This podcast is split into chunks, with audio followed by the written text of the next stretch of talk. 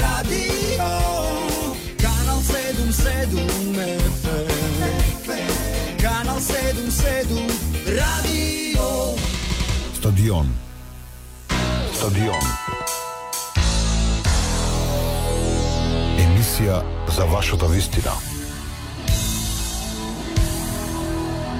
Стадион. Добро утро, Македонија. Канал 77, емисија, како што слушнавте, специјално посветена на вашата новистина, секоја сабота од 10 до 12 час.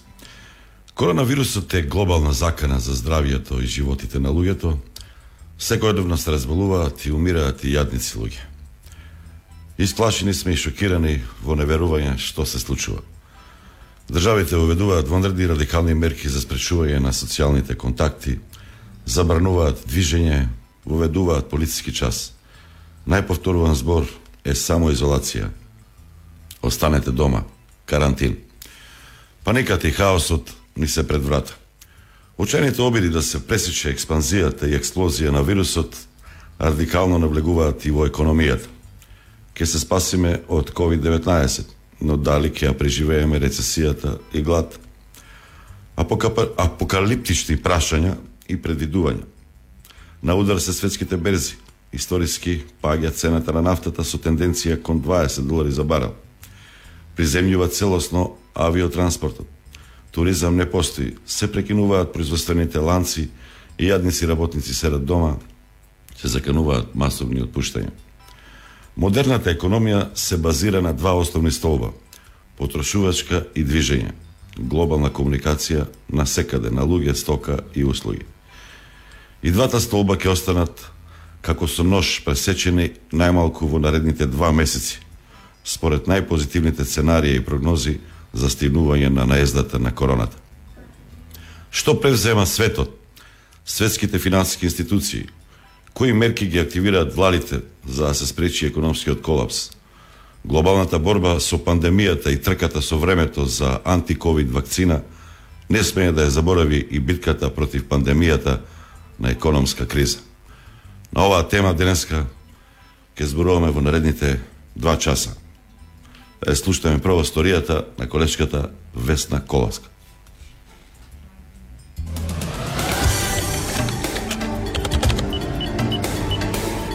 Парадокс. Новинарски истражувачки приказни.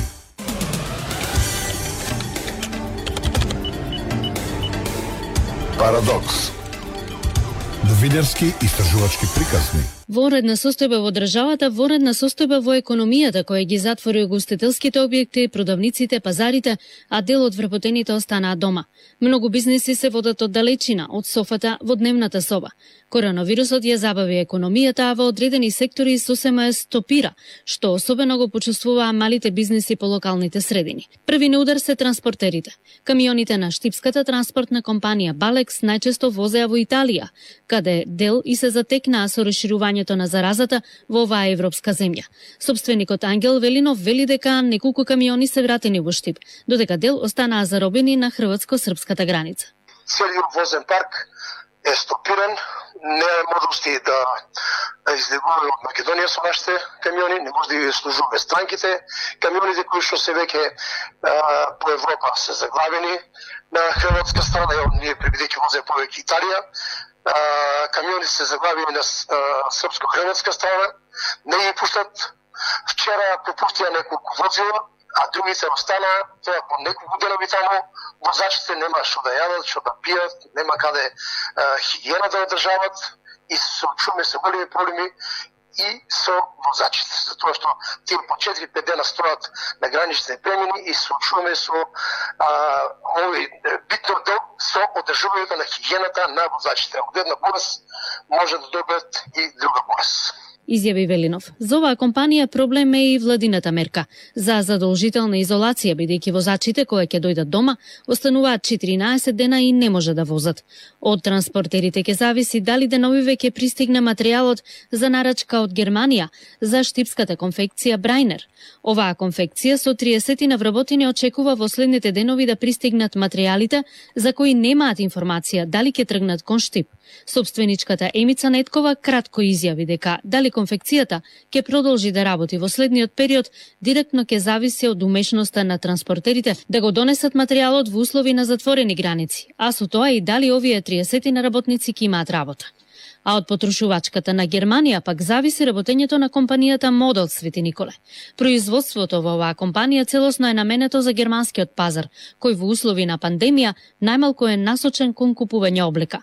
Ова го потврдува директорот Ангел Димитров, кој вели дека до 4 април треба да го испорачаат налогот што сега го работат. Имаат уште нешто да сработат до крај на април, но потоа ќе видат дали воопшто ќе работат. За мај веќе никој не ни гарантира дека ќе имаме нови нови порачки. Проблемот е што тука веќе во април се менува и сезоната, Чи ние сега ги испорачуваме последните испорки за оваа сезона и од април веќе натаму требаше да почнеме да шиеме за другата сезона. Никој не може да предпостави дали ова ќе се реши за месец, два или три, и кога би ја изгубиле само оваа сезона, компаниите кои немаат некои големи кредити, големи обврски, мислам дека ќе некако ќе преживеат со, со одредени штети. Но компаниите кои користат кредити ја изгубат целата сезона, без некоја позначена државна поддршка, мислам дека сите ќе затворат. Изјави Димитров.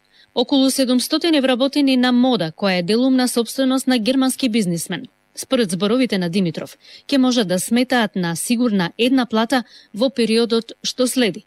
Меѓутоа, за понатамо е неизвестно. Димитров, кој е председател на Организацијата на работодавачи, вели дека и покрај до сегашните мерки на владата, за некои компании проблем е да ја одржат својата ликвидност. А има компании кои верувам дека уште со оваа плата ќе ги затворат фабриките затоа што ако а, немаат прилив на нивните побарувања, а се во состојба секој месец да чекаат ден или два да дојде приливот за да земат плата, тогаш тие мислам дека немаат никаква шанса да останат. Значи за нив и до сегашните проблеми од губењето на работната сила по основ на чување на децата дома или самоизолација или карантин, веќе се доволно причина да ја затвора компанијата. Камо ли за оние други проблеми што зборуваме за немање репроматеријали или за недобивање налози за идната сезона. А, по-добрите компании верувам дека некако ќе се снајдат. Значи, оние што имаат финанска поддршка да ги искористат сите можности за а, годишниот одмор, затоа што ние имаме годишниот одмор 22 работни дена, да половината да остане за август, ако а, прогнозите дека јул, јуни, јули веќе би го решиле овој проблем со вирусот. А, и тоа е причината зашто скоро сите европски држави има таква мерка за субвенционирање особено на придонесите на овие изгубени работни часови, затоа што во Германија најмногу се случува, тоа ни го кажуваат и нашите партнери, заради намален обем на работа, значи намалена побарувачка, да го кратат работното време од 8 на 4 часа. Но таму а, германската влада ги покрива другите 4 часа кажа Димитров. Германската влада најави дека на работодавачите ќе им бидат покриени комплетните трошоци за социјалните придонеси за несработените часови. Така, компаниите не морат да отпуштат вработени од работа, а сепак ќе може да ги намалат трошоците. Владата на Малта ќе потроши 3 милиони евра за исплата на дводневна или еднодневна заработувачка за најзагрозените вработени, меѓу 20.000 и 40.000 работници. Грција пак ќе исплати по 800 евра за секој вработен во најтешко погодените компании, како и дополнителни 800 евра за секој што ќе остане без работа од 1 до 18 март, соопшти неделава грчкиот премиер Кириакос Мицотакис. Кај нас некои компании веќе почнаа да им ги минуваат договорите на своите вработени. Други им напишеа решенија за користење на годишен одмор. Во Организацијата на работодавачи некои од членовите планираат да се повикаат на членот 122 во Законот за работни односи, кој предвидува прогласување на колективен годишен одмор, каде се исплаќа плата од 70% од платата за период од 3 месеци во тековната година. Други пак размислуваат да се повикаат на одредбата виша сила, кога работникот не може да ја врши работата и има право на половина од платата, на која инаку би имал право ако би работел. Владата предложи компаниите да подготват свој план за реструктурирање, односно адаптирање на работењето според новите услови што ги налага состојбата со коронавирусот. Најтошки ќе им падне на новите и мали бизнеси, како што се тие што први затворија во огустителството. Нино Сотировски, кој е собственик на пицерија во Гостивар, вели дека додека локалот е затворен, загубите се од два типа. Првиот тип на загуби се финансиските загуби во смисла на немање промет затоа што фирмата е затворена и воопшто не работи, а личните трошоци остануваат како што се трошоците за кирија, режиските трошоци и така натаму. Тоа е првиот тип на загуба, вториот тип на загуба може да се јави доколку материјалите кои што ги кои што ги користиме за подготвување на храната, а доколку се одолжи цела работа пропаднат, што ние сме мала фирма и е, нов субјект на на пазарот, се сомневам дека може да се да се функционира повеќе од 3 месеци во ваква постојба кога би биле целосно затворени и нефункционални за работа, доколку се ние како собственици ги преземеме приватно трошоците на фирмата. изјави Сотировски. Платите се проблем за компаниите, а не исплаќањето на редовната плата значи неможност граѓаните да можат да ги плаќаат своите месечни трошоци и ратите за кредит. Владата излезе со неколку мерки, како обезбедување на бескаматни кредити, субвенција од фонд од 74 милиони денари за најпогодените гранки, како туризмот, угостителството и транспортот, како и пролонгирање на плаќање на некои од даноците. Вицепремиерката за економски прашања Мила Царовска рече дека мерките треба да им помогнат на други ранливи компании. Не се само овие три гранки, туку сите оние погодени И затоа УЈП рачно ќе ги обработува другите погодени, кои што ќе покажа дека имаат намалена економска активност од минатата година за овие месеци, кои што ќе имаат одреден процент навработени, кои што заради мерките на владата се дома, но при тоа истите тие не се затворени, туку е со намален обем. Јас верувам дека сите сакаат денеска да добијат 100% ослободување од бруто плата, но дали тоа би било фер? Дали има една земја во светот, во Европа, во регионот, кој што го направи тоа? Да ја погледнеме Словенија, која што е слична по обем, но економски многу посилна од нас. Дали има такви мерки? Нема такви мерки. Изјави Царовска. Таа уверува дека нема да има сериозни последици по вработените, кои во случај да останат без работа, се обезбедени со надоместок во случај на невработеност. Се проценува дека во трите засега најзагрозени гранки, угостителството, транспортот и туризмот, има околу 220.000 работници. Од Советот на синдикатите на Македонија велат дека борбата е да не се загуби ниту едно работно место. На сите работници, независно од кој сектор, да може да им се исплаќа нето плата, додека придониците да бидат одложени на неопределено време, онаму и да се исплатат тогаш кога ќе се стабилизира стопанството во државата само прво се залага за одлучување на работните места. Кои мерки ги преземеме, пак ќе кажам, заедно со влада и со работодавачите треба да седнеме на, на иста маса, бидејќи како што знаеме, ова оваа кризна ситуација ќе помине, ќе помине, ние пак треба да седнеме и заедно да работиме и да презесуваме за нашата држава да биде ликвидна во секое поле и секој сектор. Рече Дарко Димовски, председател на ССМ. Глобалната епидемија ги стави на испит големите и стабилни економии. Македонската економија и граѓаните кои придонесуваат во неа. Неголемиот испит го имаа во 2001 година, во време на кризната состојба. Ова со коронавирусот е нов испит. Овој сегмент од емисијата е подготвен од страна на интегрираната редакција на Радио Канал 77 со поддршка на Американскиот народ преку Агенцијата на САД за меѓународен развој УСАИ. Мислењата изразени во овој сегмент на емисијата припаѓаат на редакцијата на Радио Канал 77 и не ги изразуваат ставовите на УСАИ или на владата на Соединетите Американски држави. За совршено гастрономско уживање потребно е добар готвач, вкусна храна, релаксирачки амбиент, убав поглед, квалитетна услуга и добро друштво. Од дома понесете само друштво. Останатото веќе ве чека во Радио Кафе Канал 77. 40 години одличен вкус. Пека Беско,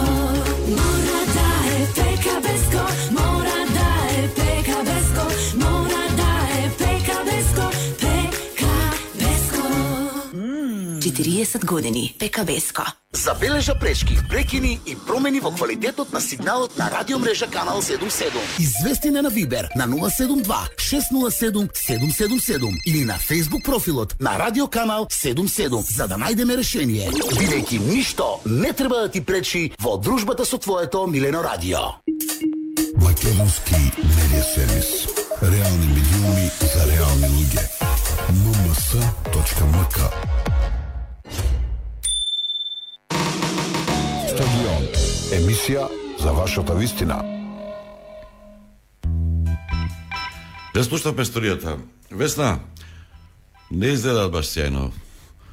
Многу бараат, многу страв.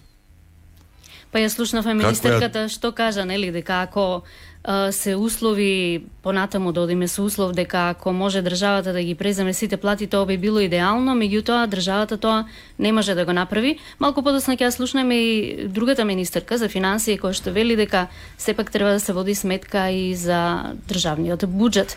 Меѓутоа од контактите со со луѓето со кои разговарав, морам да кажам дека уште во првиот налет, иако оваа криза би рекла со короната е далеко од својот завршеток, според најавите, уште од самиот старт имаат огромни загуби, огромни проблеми да се покрие ликвидноста. Тоа е барем што се однесува до стопанството, но кога ќе разговарате со обичниот човек, првото прашање е како ќе ги плаќаме кредитите.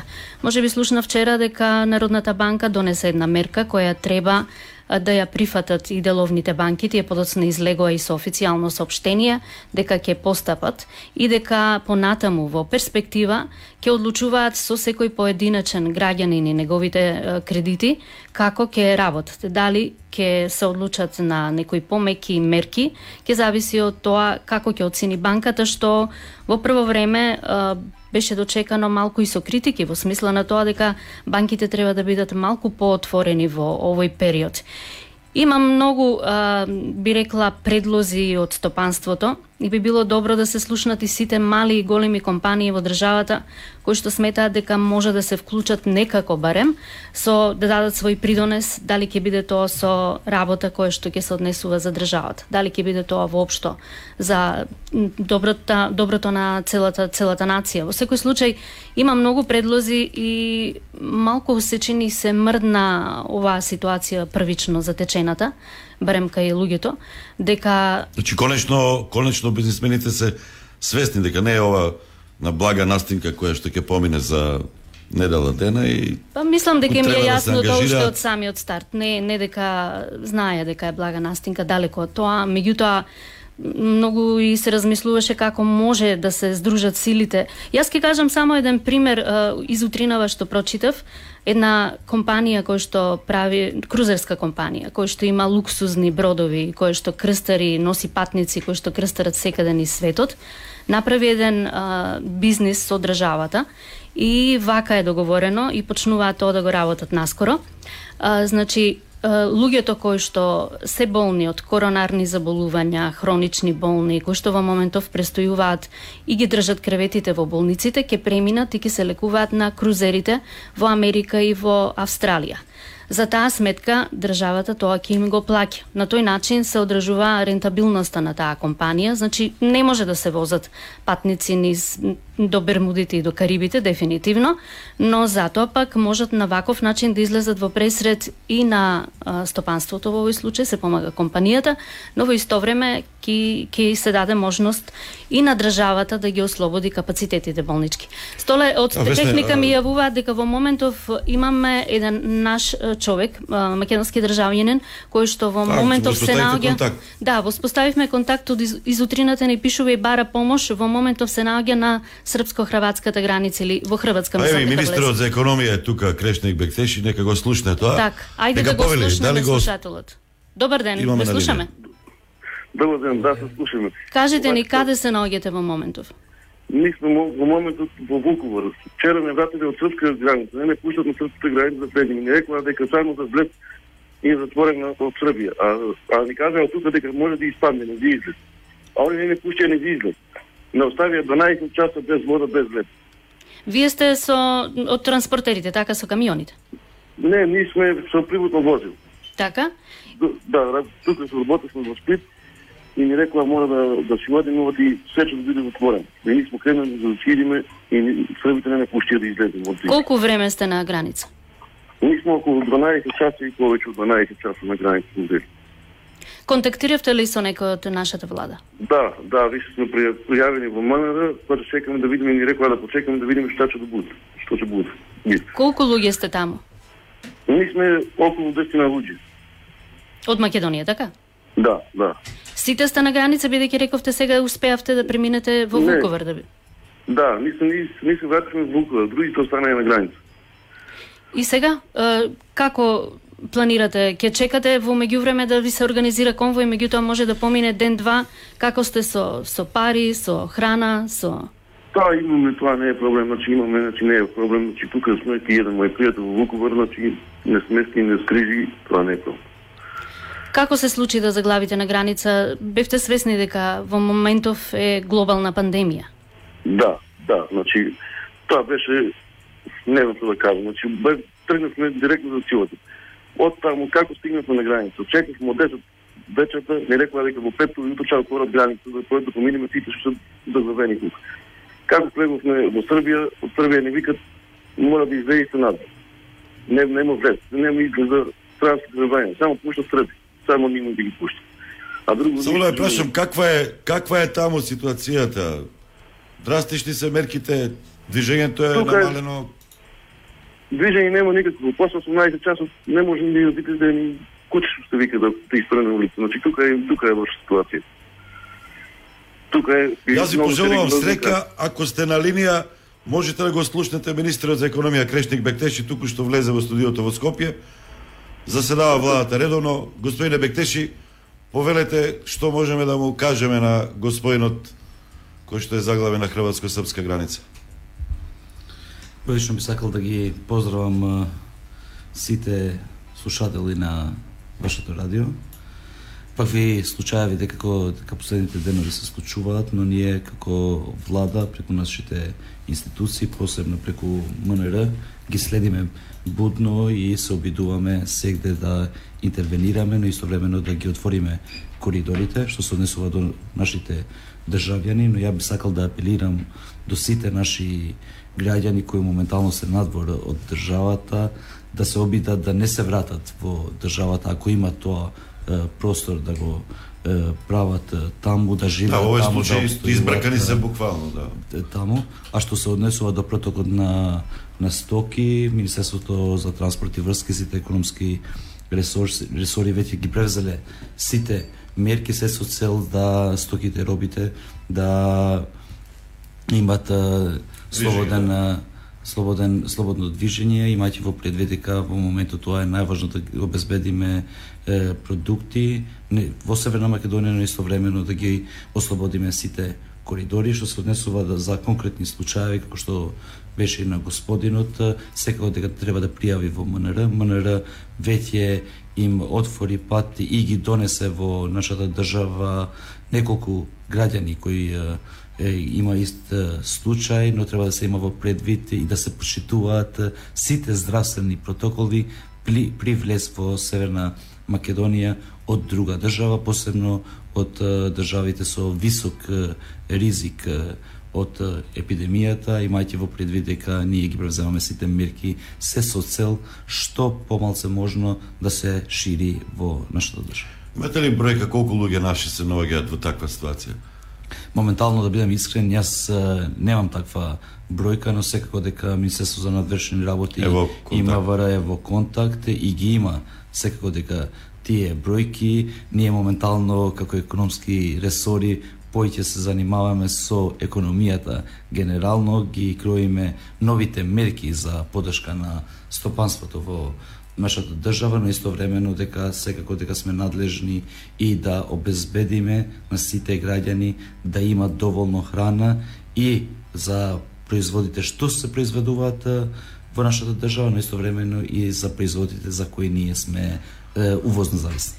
Аз да кажам за слушателите дека освен министерот за економија Бектеши, во студиото во Штипе и Наум Барзов од Баргала и председател на регионалната стопанска комора во источниот регион. Очекуваме и од Сојузот на стопански комори околу 11 часот да дојде подпредседателката Колибанова, а во текот на емисијата ќе имаме и доста вклучувања ќе вклучиме колеги новинари, ќе вклучиме професорот Трајко Славевски, председателот на Сојузот на синдикати на Македонија Димонски. На крајот би требало да се вклучи и Гувернерката на Народната банка Анита Бежовска Ангеловска или обратно Анита Ангеловска Бежовска. Господине Бектеши, како се справувате вие со короната ево овие денови? Внимавате, кај се движите, како се движите, дезинфекција, пресконференции сите правите надвор, гледав неколку пресконференции. Меѓутоа се поздравувате со луѓето. Па, да бидам многу искрен, сме ги намериле да поздравување со со луѓето, но секако дека ние не може да бегаме од имајќи средби со Да, стопанството. е тука, Јас во претhodните денови заедно со министерка, посебно со министерката за финансии, речиси сме направиле средби со сите гранки на стопанството. Ја за шега да ви кажам, ја комуницирав Колибанова и велам мало ни е студиото да знаете вака, ама нема проблем, јас сум секој ден вика во контакт и во во комуникација со министрот, така да што и да е, тука е. А, државата е и мајка и татко. Сите ви се бараат, плачат. Можностите да се една работа, меѓутоа ќе мора да се изнајдат сили да се преброди оваа криза. Да почнеме поред.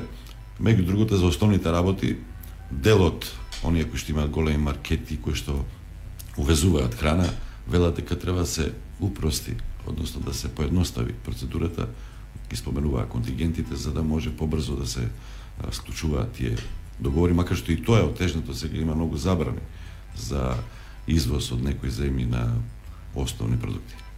Значи, јас можам слободно да ги уверувам сите граѓани, но истовремено и стопанствениците што не, не слушаат дека веќе ние сме ги превзеле сите мерки што се однесува на коридорот за проток на, на стоки, посебно со регионот, но истовремено преку МНР и преку Министерство за транспорт и врски, речиси во секој дневна оседница на владата донесуваме нови протоколи, нови правила, се со цел да им олесниме на камионџите, на транспортерите, имајќи во предвид дека претходно имавме проблеми што се однесува на деновите што треба транспортерите да седат во карантин, имајќи во предвид дека била во држа во друга држава и при враќање во нашата држава требаше 14 дена согласно протоколите од здравство да седат во карантин. Веќе тие работи сме ги решавале, истовремено сме одржале состаноци и со трговците, и со дистрибутерите, и со поголемите увозници на храна, посебно на основните продукти во нашата држава, кои не убедија, но истовремено ни ги кажа и моменталните залии кои ги имат, освен тоа што веќе е договорено за увоз, за основните продукти тука зборуваме, но истовремено направивме е, состанок со поголемите производители на прехранбени производи во нашата држава. Моментално најпогодени индустри се туризмот, угостителството и транспортот, имајќи во предвид дека па, посебно за отедлиерството и угостителството ние сме ограничувале како држава потполно нивно работење, значи тие немаат моментално никакви приходи, но секако дека ние излеговме со првичниот сет мерки и за многу, многу, многу скоро време дополнително ќе излеземе со, со ќе излеземе со дополнителни мерки се со цел да им олеснеме справувањето моментално со оперативните трошоци, но исто времене да се обидаме што помалце вработени да бидат отпуштени во секторот угостителство и туризмот, каде моментално се регистрирани негде 30.900 е, Значи луѓе. една мерка да се стимулираат, да се мотивираат граѓаните повеќе да го користат тоа онлайн тр- Тр- е-трговија. онлайн можност да за достава, мислам дека во Шведска имаше дури им налагаат на граѓаните за да се одржат во каква таква форма угостителските објекти и рестораните за да не ги бркаат од работа вработени. Значи, и ние тоа сме го дозволиле, како е, влада и како ресорни министерства, значи сите ресторани може да работат, но не може да примат гости внатре во ресторантите или во нивните тараси и слично, но секако дека може да работат, да достават храна до семејствата во нашата држава, за сите тие што секако дека се заинтересирани, но не можат да примат гости само во просторите на ресторантите во нашата држава, а што се однесува дека на тоа дека може да достават храна, секако дека и кај нас моментално тоа е дозволено. Во студиото во Штипе Нао Барзов, Барзов, добар ден.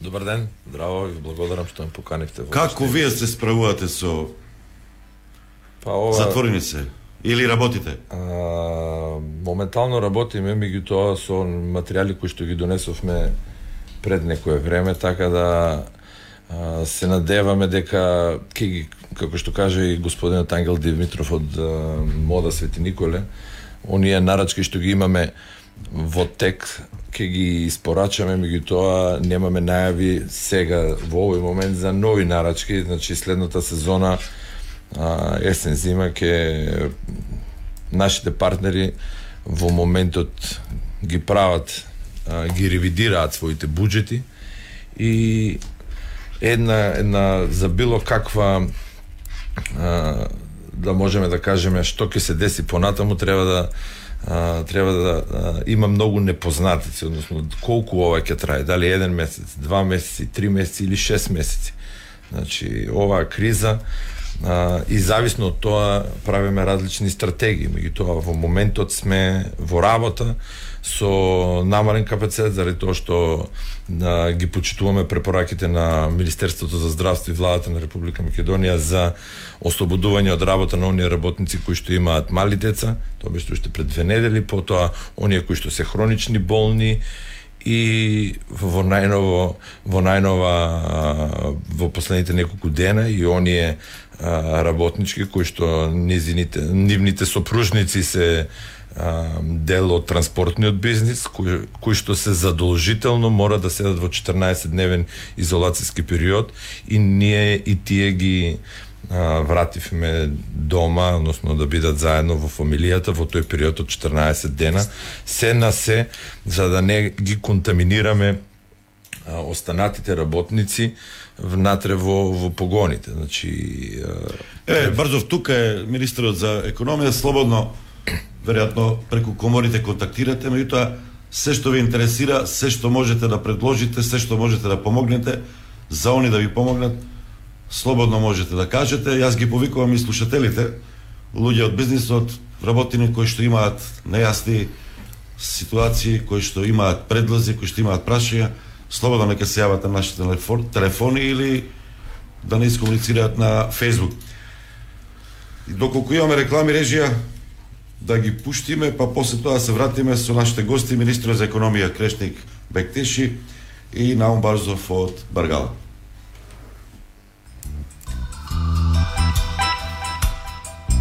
Аха, од режија веќе имам информација дека можеме да продолжиме. Конкретно, тие анализи, министр Бектеши, кои што воот ги правите, веќе рековте кои се најпогодени сектори. Имате ли конкретни информации каква е состојбата со работниците, колку луѓе се дома, барем кај тие производствени капацитети, како функционираат производствените капацитети? Кои што се упатени во оваа криза да работат? Кои се првишите информации? Значи, кога викаме дека се непогодени, се непогодени моментално, како како сектори имајте во предвид дека нема никакви приходи, затворени се нивните капацитети целосно со одлука на на владата, согласно комисијата во слободно здравство што е, но секако дека треба да се има, да се има во предвид, но да се кажува искрено и се направи повик дека сите ќе бидеме погоди погодени од ова ова кри, криза, да бидеме многу реални, значи ова криза во глобално ниво, кога може да бидат ед, најразвиените држави погодени, секако дека ќе бидеме и ние. Наша работа е секојдневно да работиме, да ја ублажиме е, тоа каде што можеме да бидеме погодени и тоа моментално го правиме, што се однесува до работниците. Ние веќе донесовме неколку одлуки кои работници може да бидат ослободени од работа и сме им препорачале посебно на производителните капацитети да работат и на смени ако имаат потреба, се со цел да не запира производството, но истовремено и да не изгубиме работни места, посебно во производените капацитети, но секако дека ние во вториот сет мерки ќе излеземе со дополнителни олеснување за овие сектори, имајќи во предвид дека и индустријата во нашата држава е, значи е многу важна и вработува многу луѓе во реалниот сектор, ако правиме споредба со некои од услужните сектори, освен овие што се моментално затворени, е, го и транспорт, и моментално негде се 70.000 вработени, директно се тангирани од COVID-19, угостителство, хотелиерство, транспорт и складирање, но истовремено треба да се има во предвид и да бидеме многу реални дека има сектори кои имат уште повеќе обем на работа, Аха, посебно трговијата. е, прехранбените производи, трговијата на мало и трговијата на на големи и затоа ние превземаме секојдневно мерки се со цел да не се остави простор за злоупотреба или слободно да кажам и профитирање на одредени е, е, трговци во моментот. Ова малите тргови имаат проблеми со обработените, со да не Мала трговија плюс немат по, луѓе. во моментот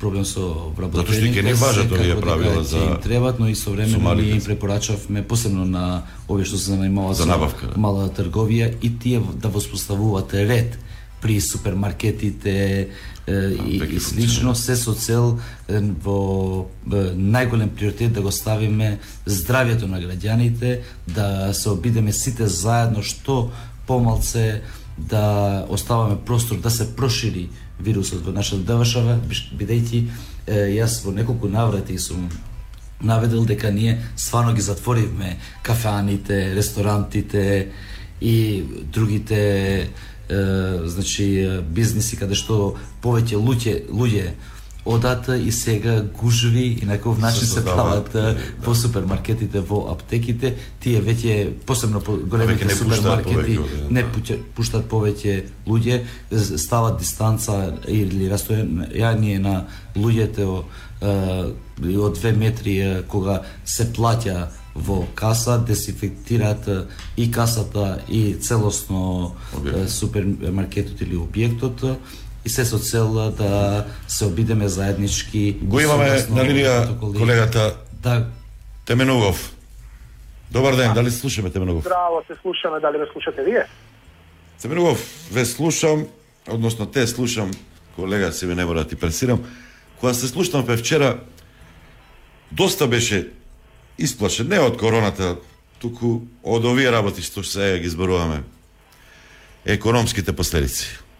Па да, е, генерално... Комуникација имаш постојано со бизнисмени, со луѓе од финансиски институции и кои ти се првите впечатоци? А, столе, значи, вака, два фронта се, а, она, производството и потрошувачката, и едното и другото е поврзано, многу е важно да се одржи, јас многу сум уплашен за работните места.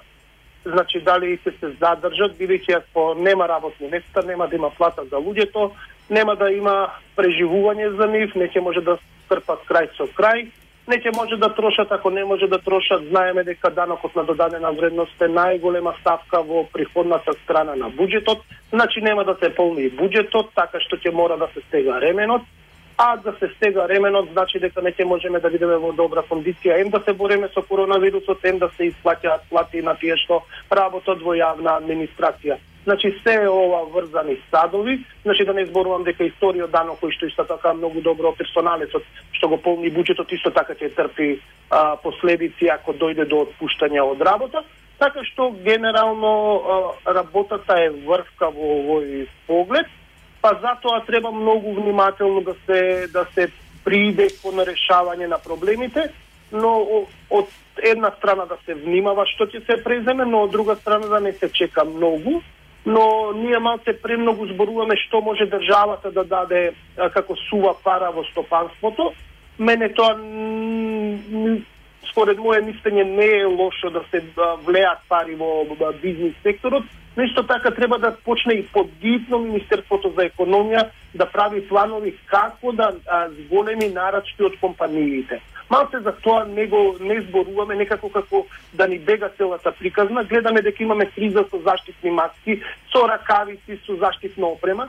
Треба веќе многу сериозно да се направи, би требаше, требаше до сега да се направат планови што Да, кое производство може да се преструктурира да се нарачаат од домашни производители, да се спојат компаниите кои што на пример некој произведува текстил, некој има залихи на пластика, па да се направат а, поквалитетни маски со некои филтри, да се види колку тоа ќе може да се изведе кај нас да ги задоволува стандардите, па да се спојат компаниите, да се направат маски и тоа да ги нарача државата. Значи најдобар начин во овој момент е и државата да почне да купува од домашните производители она што најмногу ни треба. А тоа е заштита дезинфектни средства и средства за дезинфекција. Да значи да ја зголеми државата по барувачката на овие средства и да ги плаќа. Значи од буџетот да а, релоцира пари од а, ставките кај што може, тоа да го направи и да почне да биде а, а, набавувач од компаниите. Значи не, да не дава само а, свежа пара што се вика да вбризгува, туку малце да ја зголеми и побарувачката од оноа што е Да биде во улога на нарачател, да. Така да. е, така е. Значи така ќе ги одржи работните места, така ќе се врти парата, значи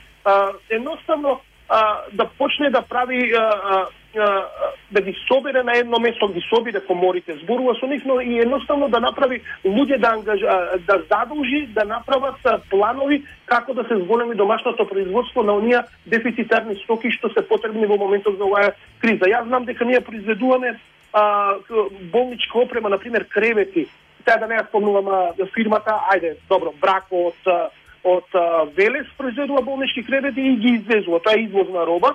Значи, зошто сега да не му се јават на поранешниот вице-премиер за економски прашања да го прашаат што може во ваков случај, колку може да го зголеми производството, да направат планови колку кревети треба, каде треба да се стационираат, значи да се направи еден план како тоа ќе биде, колку ќе има потреба реално бидејќи гледаме дека расте бројот на заболени, се проценува еве Филипче, министерот Филипче рече дека ќе биде некаде до 2500 луѓе во пикот заразени, може таа бројка ќе биде и повисока. Значи да се направи план дали ќе требаат болнички кревети да се набавуваат, па да се нарача од брако да подготвуваат, наравно и тоа веднаш да се плати за да може да се одржи производството. Тоа е генерално а, во прв момент што можам да кажам дека треба државата малце повеќе да се активира во поглед на домашните нарачки и така ќе ќе спаси дел од секторите кои што во овој момент се погодени како што се текстилната индустрија, па дури може да размисла тебе во на состојба е полицијата дежура повеќе, во армијата дежура па во, во на состојба лекарите работат повеќе, па да земат од рестораните што затвара да нарачува храна ако не можат да она се бичи да прават како што правеше ВМРО во време за протестите, за контрапротестите, па сега да нарачува државата за тие што се борат за нашите животи. Може се овие се идеи, значи треба да се седне да се разгледа каде може да се зголеми побарувачката државата и да се даде да се во системот да на ваков начин да се а, бризгаат пари. А, те многу само уште едно прашање за бизнисмените имаше комуницираш и со нив. Некако премногу исплашени им се а, ти бараат само треба тоа што го каже и Барзов да имаат повеќе сценарија за два месеци, ако треба три месеци, четири да се обидат покреативни да бират сега. Оле, сега проблемот е сега креација. Ова е состојба со која што еве јас како новинар 25 години на 1 април се правам 25 години, значи кризни ситуации во Македонија, бегалска криза, криза во 2001, а, девалвацијата после на 97 ја памтам, значи а, а, после се тоа што се случуваше Скопје 2014 исто го памтам исто тука со гледа пари, значи сме имале многу кризни економски а, моменти, но никогаш не ни се случило ова да го имаме. Значи ова е ново не само за Македонија, ова е ново Да. веројатно и за светот после Втора светска војна. А, знаете дека сега цел свет е глобално поле, а, нарачките нарачуваме од Кина репроматеријали, тука ги произведуваме, ги продаваме во Германија или можеби тука произведуваме нешто, го транспортираме за Кина, таму се троши, значи сето е глобална глобална економија.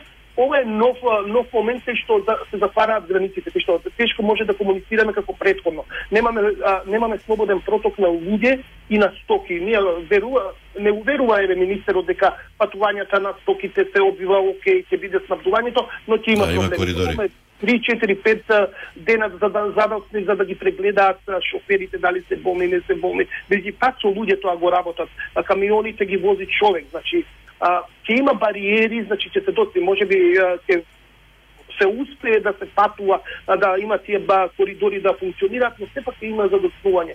Значи ова е тотално нова ситуација. Значи и, Да. ја како новинар прв пат се су- судирам. Сите бизнисмени во оваа држава со ваква ситуација се судираат прв пат.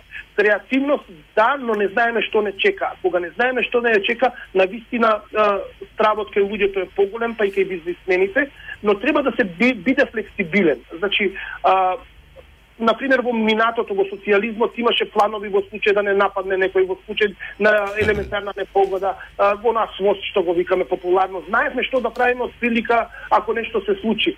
Сега немаме сценарио, учиме во но мораме да бидеме пофлексибилни. И е, владата мора да биде пофлексибилна и да почне да размислува дека може не само со пари нешто, туку и со организација да направи. Еве да организира производство по повеќе индустрии кои што ќе дадат еден финален производ, на пример заштитна маска, кој што ќе може да се користи според некои одредени стандарди кои што треба да ги утврди Министерството за здравство, кој што ќе може да одговори на потребите и на полицајците и на вој, а, вој, војниците што ќе бидат на терен и на медицинските луѓе, едно на медицинските персонал. Едноставно малку покреативно во тој поглед.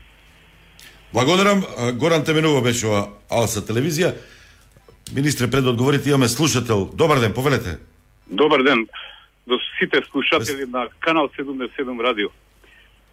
Ви благодарам на оваа извонредна можност што можам да ви се обратам на сите вас, а посебно и до министерот за економија. Ѓорги Кузмановски, приватен предприемач, собственик и единствен управител на Ивама Трейд Доел Скопје. Нашите приходи се нула од неделата, минатата. Привилејки, нашиот единствен дуќан во Веро центар Джамбо во Скопје е затворен. Како и сите останати. Седум вработени. А, редовно плаќање, плати, придонеси, кредити, даноци кон државата. Ништо не сме биле должни до сега. Нити каснеле. Приходот ни е нула. Не спаѓаме во ние кои што се во првиот план за субвенции. Не прифаќам никакви кредити. Затоа што кредитите на некој кој што не привредува е жива пропаст, односно најбрз и најсигурен и најлесен и а, докажан пат до банкротот, кој што за неколку месеци, бе, не треба ни месеци, во нашиот случај а, еден месец е доволно.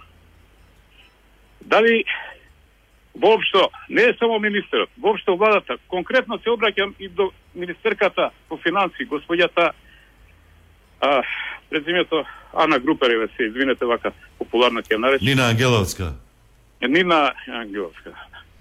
Со кој што сме соработувале, ќе се сети на нашата фирма. А, воопшто како да се нема сенс, како да сме назад, како да сме затечени. Немаме никако а, предвид за ситуацијата што следи. Она што го кажа предходниот а, соговорник ваш во своето обширно излагање, дека треба да имаме ситуации А, Б, С или А, Б, В, Г да, да. и така натака. Оптимистичка, помалку оптимистичка и така натака. Моето прашање е, дали некој воопшто размислил во одговорните министерства и еве и до, до самата влада. Ние кои што работевме во шопинг моловите што сме затворени, каков ќе биде надоместен за нас? Каква помош ќе ни дадат? Знаете што? Во овие, еве, две не, а, десетина дена не помним. Значи, размислувавме алтернативни начини. Нормално, имаме и онлайн шопинг кој што не може да покрие трош, трошкови за струја, камоли за нешто друго. Исто така, не знаеме дали ние во нашиот дуќан можеме да влеземе и да речеме да ги користиме нашите машини. Или за да можеме да Да, еве министерот тука, да, да. Ете, Тоа се кажал. И уште нешто. Да додам, Да. привидејќи, еве, јас во, е, сум повратник од Грција, но а, покрај тоа што живеев и работе 12 години, имаме семеен бизнис индивидуален со туризам, кој што и таму е секнато, познато ви. е. Но, редовно ги слушам грчките вести, е, нивните средства за информација и така натака. Ја гледам која е помошта таму. Неспоредливо е. Ние со 5,4 милиони евра да покриеме а, ваков а, застој Мислам, тоа е на секој му е јасно. Ја верувам и на обичен човек што, нели, викаме народски не знае да ги напише тие цифри, му е јасно дека ова е ова е капка во море. Згора на тоа што прво се оди кон кредитите. Е, и уште нешто. Разговара со деловните банки. Многу редовни отплаќачи на кредити бевме. Сега не ќе видиме во можност. Деловните банки чекаат одлука. Прочитав Сабајлево на порталите од а, господјата министер Нина Можете така. а, Донесена Ангеловска. одлуката, вели министерот. Донесена е одлуката за одлагање. Од да. прочитав негде на некој портал дека се уште не било. Ако За е донесена, ја реструктурирање. поздравувам.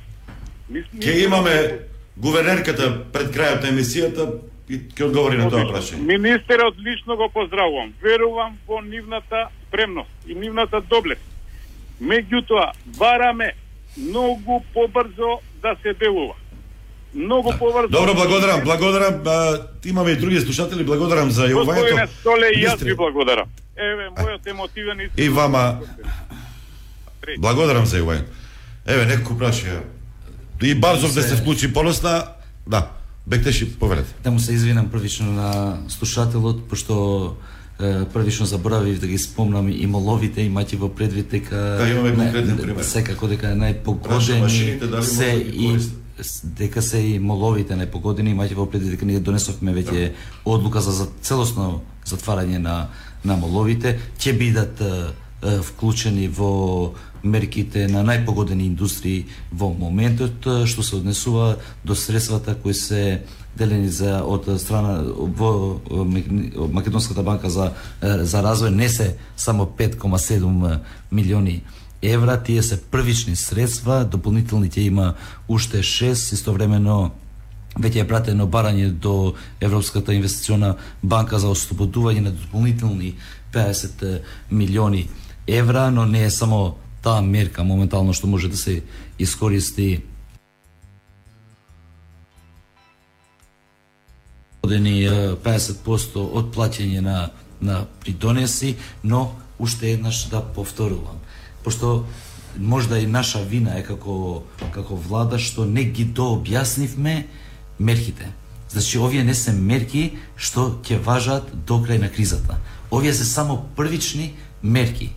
Ние и бевме во е, незгодна ситуација, немавме одврзани раце како како влада, имајќи во предвид дека беа одредени Техничка влада, изборите, да. техничката влада и имаме секако дека многу многу забрани во нашиот изборен законник, во нашите закони, во моменти кога се распуштува собранието. Не можеме ни да интервенираме во буџет, но не можеме ни никакви одлуки да носиме. Откако е прогласена вонредна ситуација, сега имаме одврзани раце и веќе ги носиме одлуките, правиме секакви симулации е, за кризата колку може да трае и колку приближно би можело е, да ни кошта како држава, како е, економија.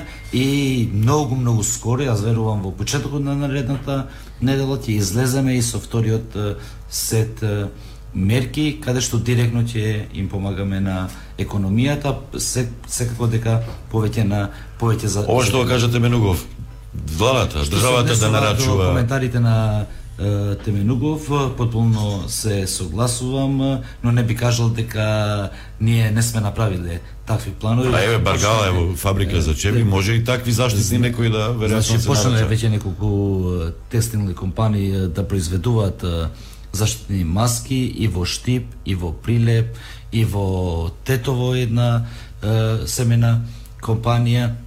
Ние разговаравме со Министерството за здравство, разговаравме со Стопанската комора, ние како Министерство за економија веднаш ќе пристапиме за донесување на одлука за ослободување од секакви даноци на репроматеријалите и материјалите за кои се потребни за, За производство на- производство на заштитни маски, дезинфектанти се произведуваат во Северна Македонија. Е, неколку фармацевски компании произведуваат дезинфектанти, но моментално е, работиме потполно за да е, и ние директно да влијаеме при ослободување на секакви даноци, при олеснување на процедури за и ако се зголемуваат репро- репроматериалите во други држави, да нема дополнителни давачки во нашата држава Да. со, се, со тоа за цените да не може да се зголеми. Имаме а, а, реклами, па после тоа председателот на Сојузот на синдикатите на Македонија Димовски, меѓутоа кратко ако може Барзов сакаш да се вклучи. Барзов повели.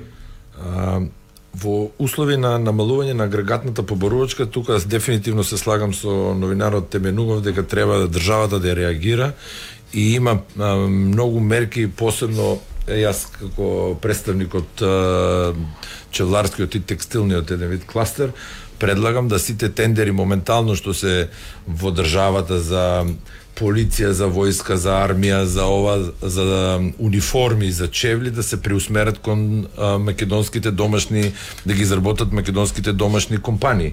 Така да, иако тие количини кои што ги троши државата не се многу големи и тоа ќе допринесе еден месец дополнителен ние да бидеме во функција, а да не ни дава државата да суви пари на тие фирми.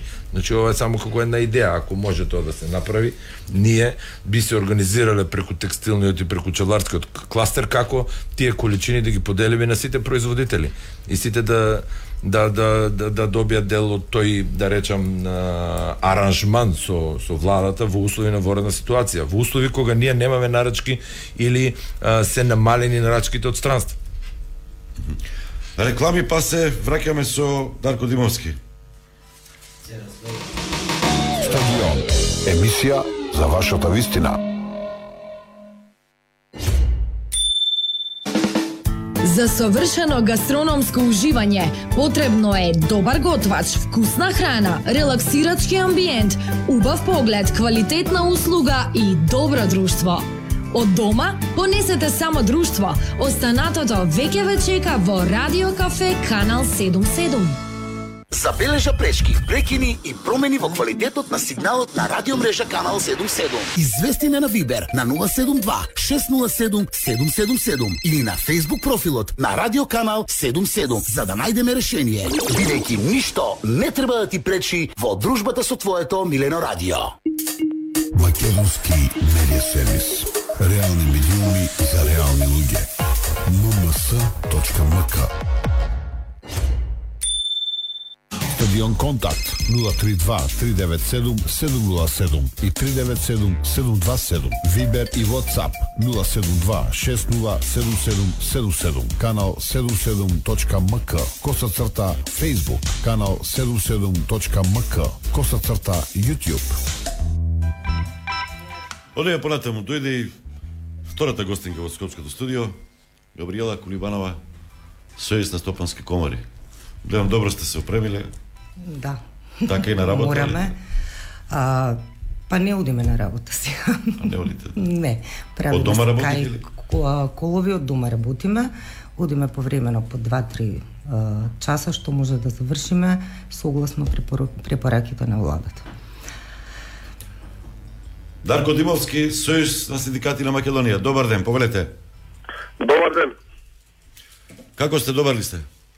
Добар е, ние работиме од терен, како што кажа Сојуз на синдикати на Македонија по прогласување на вредната состојба на целата територија на државата, а во врска со пријавите на голем број несовести работодавачи кои најавуваат и ја користат состојбата и планура, планираат откажување на договорите за вработување на работниците, да кажеме по цели компании, ние скочивме на терен и еве до ден денеска уште работиме на терен. И што покажуваат првичните информации? Има многу несовесни работодавачи. Моментално сега се е во најава, се плашиме од понеделник кога се случат такви работи, затоа ние како Сојуз на синдикати на Македонија се обратиме лично до владата, до работодавачите, до организацијата на работодавачи на Македонија, стопанските комори, да се прогласи еден мораториум за сите откажување на договорите за вработување поради економски, организационни, технолошки и други а, структурни или слични причини. Таа мерка е премината од Италија, за пак ќе кажам да не дојде до несовесно напуштање на работниците и некои работодавачи, кажам некои работодавачи кои го користат овој тежок период за лични интереси, затоа сметаме како сојуз на синдикатите дека ова мора да се спречи. Дали се слушаме? Да, да се слушаме. Вие побаравте... исто една од мерките за која се грижиме за нашите вработени е викаме исплата на платите без никаква освободување со одлагање на плаќање на придонеси од задолжително социјално осигурување. Со тоа што во рок од кога ќе помине кризата после 6 месеци, исто тоа да се подмери. Ало? Да, да, вака да ве прашам. Да. Вие доаѓате од угостителството. Да, јас сум исто Фактички- председател на грекови синдикат, така е. Тука конкретно да ми кажете затоа што во овој старт тоа се најпогоден или еден од најпогодените сектори. Се е затворено.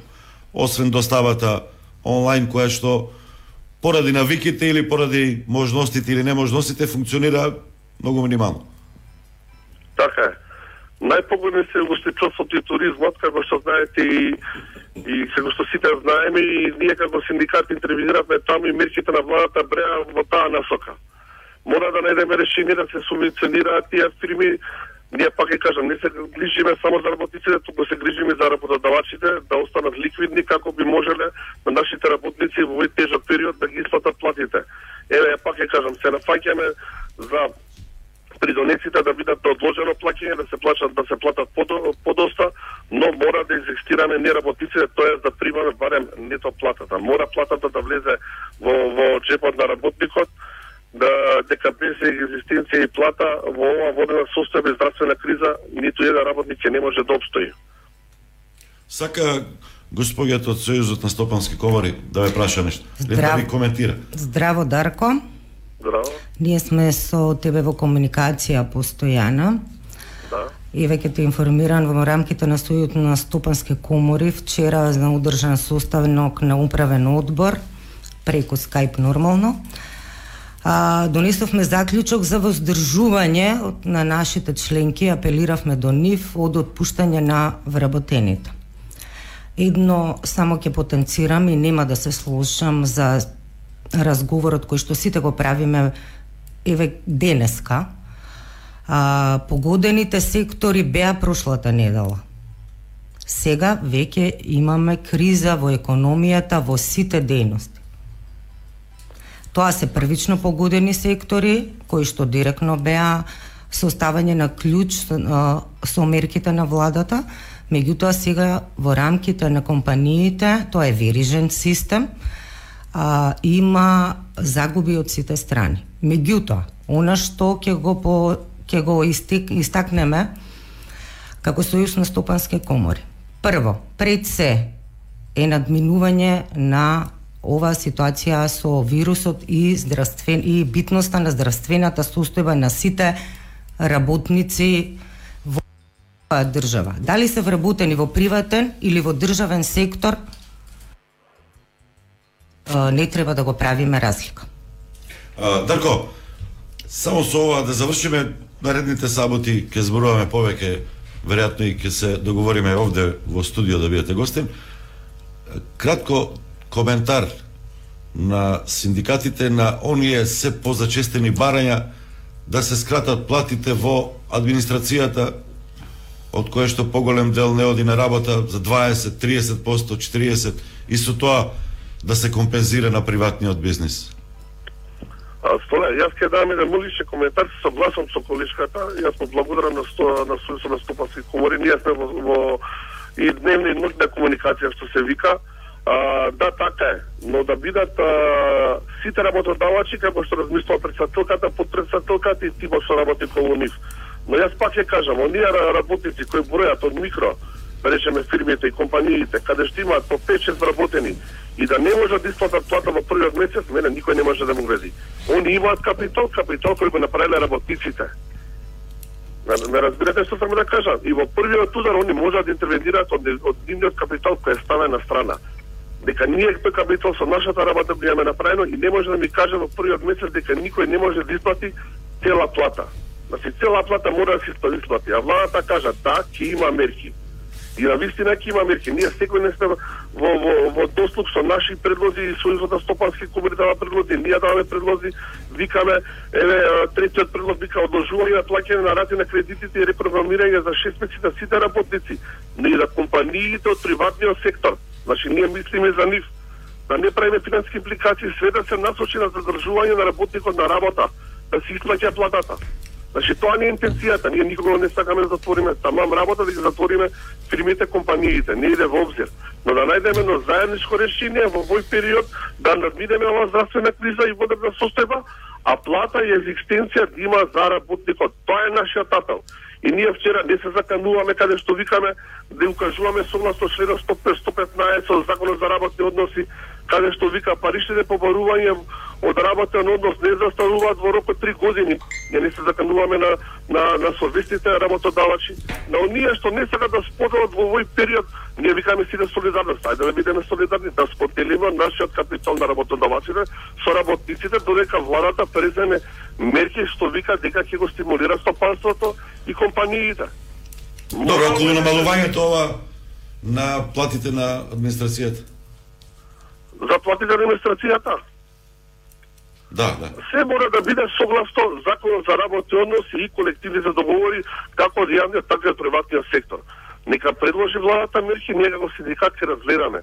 Доколку се издржливи, прифатливи за нас, ние немаме реперкусии дали тоа треба да биде така или не биде така. Нека поведат на маса, нека седнат со нас, нека не убедат дека треба да се Благодарам Дарко Димовски, Сојуз на синдикатите на Македонија. Имаме и слушател. Добар ден, повелете. А, добар ден. А, вака, да ве поздравам сите во екипата на Канал 77. Најпрво да посакам оваа ситуација со коронавирус е, што побрзо да се надмине и да остане зад нас. Но јас мислам дека во Република Македонија, во нашава држава, е, е, сега ќе имаме две кризи. Една справување со коронавирусот, а втора со губењето на работните места. Што значи тоа? Тоа значи дека а, можно е, е голем револт да се створи кај граѓаните, па место а, да останат дома како што препорачуваат здравствениве работници, а, кога ќе му биде празен стомакот на човекот, масовно да излезат на а, протести а, пред собрание или пред влада, па да направат а, уште поголеми а, проблеми, уште повеќе да се споразболе народот, зашто никој не знае а, во тој период дали а, а, вирусот ќе се е, зголеми, а, нагло ќе се заболуваат а, а, луѓе, а, а да седиш дома, а да немаш пари, да не можеш да преживееш, како што се црни прогнози во индустријата, во текстилот, во туризмот, Е, Добро, имате ли прашање? Видете, да се разбереме. што Бидете пократки, затоа што имаме но, многу слушатели. Интересот е голем, разбирливо, ситуацијата е таква каква што Зарад, е. ситуацијата е таква, но не може е, болниот како ќе ги плати болничките е, трошоци ако остане без работа, а ако заболи од бо, е, коронавирус, а, како е, ќе се справиме ние е, народот е, со оваа ситуација? Од каде пари, од каде е, примање, како ќе тие кога ќе те примат во инфективна болница, на пример, и ако ти констатираат дека си за, имаш симптоми на коронавирус, те остават во болница.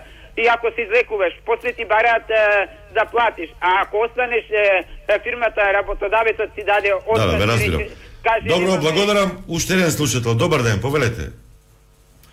Во меѓувреме има информација Димитров има пресконференција. Повелете. Имал. Абе, сега не дајде до, добар ден, да речеме, макар. Сега вака, да, пошто викаш кратко ти трој тоа емисија, па кратко ќе трој ти напикал гости таму. не е проблем. А, што треба? Само вас да ме пуштам и сега...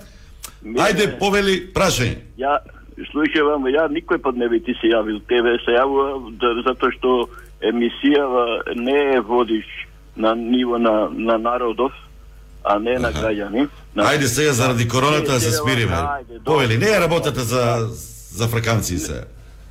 Која е за фреквенција? Па, ме интересува еден збор солидарност горе, колку кратко ќе биде. Да не барате солидарност, затоа што ова држава солидарност немаше ни од тој конфликт од кој го викаат и ратот го вика. 2001 синој на раководители директор, ова е го чита нова Македонија, директори и политичари жива на грските пажи Па и се нека водат нека нека. Ја, од тие што го искрка од сите страни, се од тие од на, народот што го збориме. Значи, Добро, благодарам, благодарам. Министре, многу работи, многу прашања.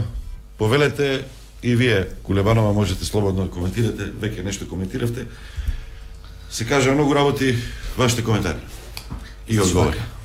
Е, што се однесува до владата и владините мерки, ние во постојано работиме и денеска, преку денот секако дека ќе имаме состанок за да ги разгледаме наредните мерки што планираме да им ги понудиме на стопанството. Во текот на претходните денови имавме состаноци, речи си е, со сите стопански комори, не речи се, но секако дека сме имали со сите стопански комори, но со и поединични индустрии, се со цел и тие да предлагаат конкретни мерки кои ние како влада треба да ги превземеме во наредниот период.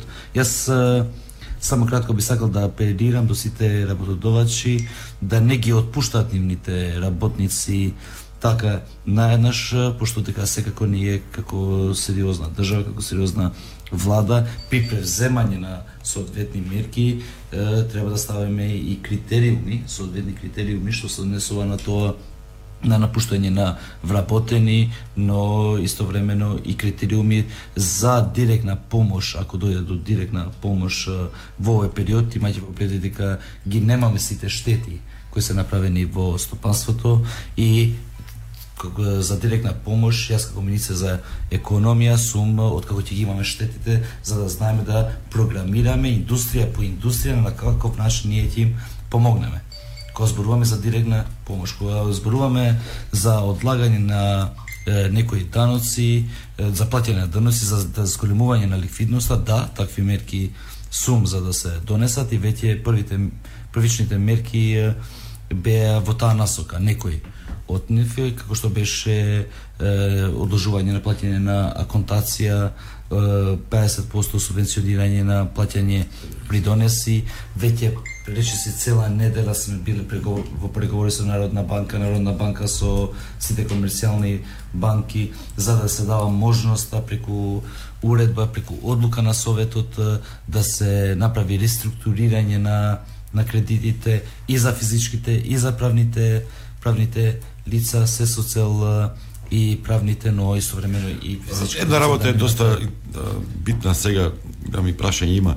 Се бисни стануваат таа солидарност се спомена и слушателот на ниво на Европска унија особено има доста страшни коментари во поглед на таа солидарност. Се затвараат државите, забрануваат извоз на одредени производи, имаме проблем со медицинските, меѓутоа и со прехранбените. Имаше доста информации кои се покажа како дезинформации, како лажни вести, како фейк ньюс околу забраните за извоз, увоз на брашно, како стојат сега работи? Значи, ние сме забраниле извоз на брашно и пченица од Северна Македонија за сите е, држави, имајќи во предвид дека Србија нас ни забрани увоз на, на брашно, а ние, да бидеме искрени, сме многу зависни. Да, ме тоа после имаше други информации. Србија, сега сме во разговори и со нивната влада и очекуваме за неколку денови е, тоа да, да таа забрана да се укине, но секако дека исто такви забрани ние сме моментално подготвени како држава што се однесува и до резервите што ги имаме и во залихите што ги имате и мелниците, да. да, но и современо и големите трговски кои се занимаваат со дистрибуција на на производи или храна за основните продукти. Моментално обезбедени 100% за неколку месеци што се однесува до основните производи и за нафта и нафтени деривати, резервите се во високо ниво, согласно последните промени што ги направи Министерството за економија, во склоп на законот за енергетија, воведевме и дополнителна резерва или оперативна резерва, ние што ја викаме во законот за енергетика, каде големите трговци на нафти и нафтени деривати се обврзани да имат тие сами, освен државните резерви, да.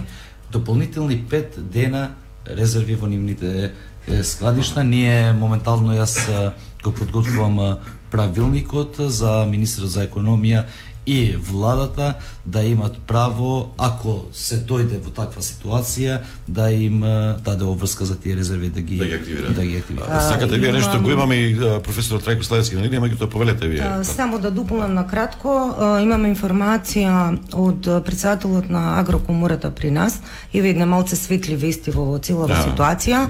Има побарувачка а, на семиња за садење, значи добре нашево Македонче да се врати малце на на нивата, Аха, барем да имаме, да, зголемена е побарувачката.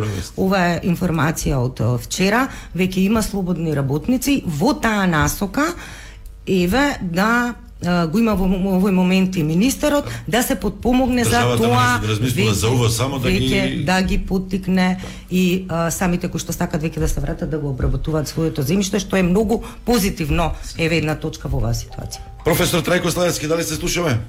Да, добар ден. Поздрав Професоре. Што пишува во книгите вакви случаеви, вакви кризи, вакви непогоди која се случуваат, како да се реагира или и книгите немаат одговор за тоа? Добро, ова е, е уникатна ситуација. Ево, јас е, лично имам, е, скоро ќе полнам 60 години на есен, имам доживеано економски кризи во поранешна Југославија, потоа бев министр за финансии на прва борбена линија за борба против кризата финансиска, економска во периодот 2007-2009 година. А, така што имаме некои искуства, но оваа криза е, ефикат, е, е уникатна затоа што имаме а, проблем, а, здравствен проблем, кој што доведува за жал и до загуба на човечки животи и одлекување на голем дел од трудот од работната сила надвор од работните процеси. Тоа е уникатноста. Инаку, а, добро е да ја имаме или да се трудиме да ја разбереме и тука ние можеме да помогнеме големата слика. Ево која е големата слика. Ова со коронавирусот, COVID-19, заразата што многу брзо се шири, има смртност и слично, е привремен здравствен проблем. На, ако ме прашавте, не ме прашавте за тоа што пишуваат книгите, ние од книги, книги читаме.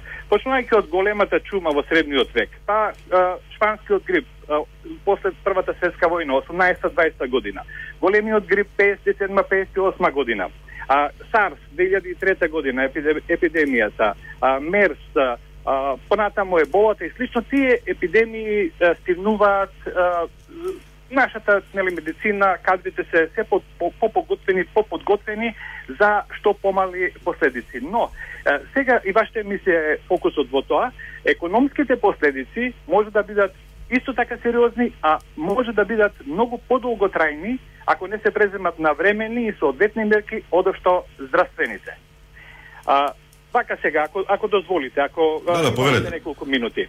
А, внимајте, ние влегуваме или влеговме во економска рецесија, барем во оваа фаза. Економската рецесија, што значи а, колапс на економската активност, намалување на економската активност, во добар дел, а, во првата фаза, беше предизвикана како нужност. Тоа е а, потреба за заштита на здравјето на нацијата. Значи, мерка од јавното здравство. Така треба да ја третираме. И сега што тоа повлекува? Ако се согласуваме дека затварањето на универзитетите, школите и така натаму, што повлече родители на деца помлади од 10 години да остануваат дома.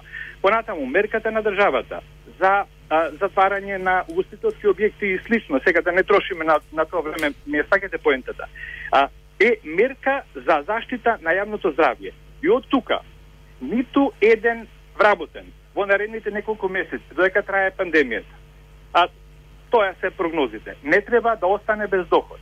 Ниту еден семеен бизнис. По вина на оваа трагедија. Не треба да престане со работа. Ниту една компанија која што добро работела не треба да ги прекине врските со своите добавувачи, со своите доверители, со своите клиенти, комитенти и така натаму и така натаму. И сега е, сакам да ја пласирам, односно да се разбере оваа поента, дека не треба да се прави никаква разлика, дали со средства од буџетот набавуваме заштитни маски, а, дали набавуваме респиратори, а, болнички кревети, плаќаме плати, бонуси за лекарите. Значи, нема разлика меѓу тоа и дали исплаќаме субвенции за надомест на плати на оние вработени кои што а, седат дома како резултат на потребата од заштита на јавното здравје за неширење на вирусот. Ова значи дека не треба да имаме никаква дилема. Уште со мартовската плата од буџетски средства треба да се обезбеди одредена одреден процент од платата на сите компании што се погодени. Тоа владата нели зима експерти, да не одам во детали, а, мислам некаде можностите на Република Македонија се 50% од да, бруто платата или 70-80% од нето платата, може да стават прагови тоа да биде до просечната плата, помал износ за повисоките плати и така натаму.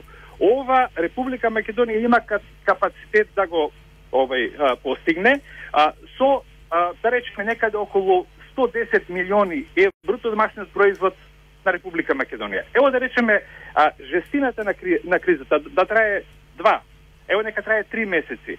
2%, 3% од бруто домашниот производ, да речеме сума некаде од 350-400 милиони евра.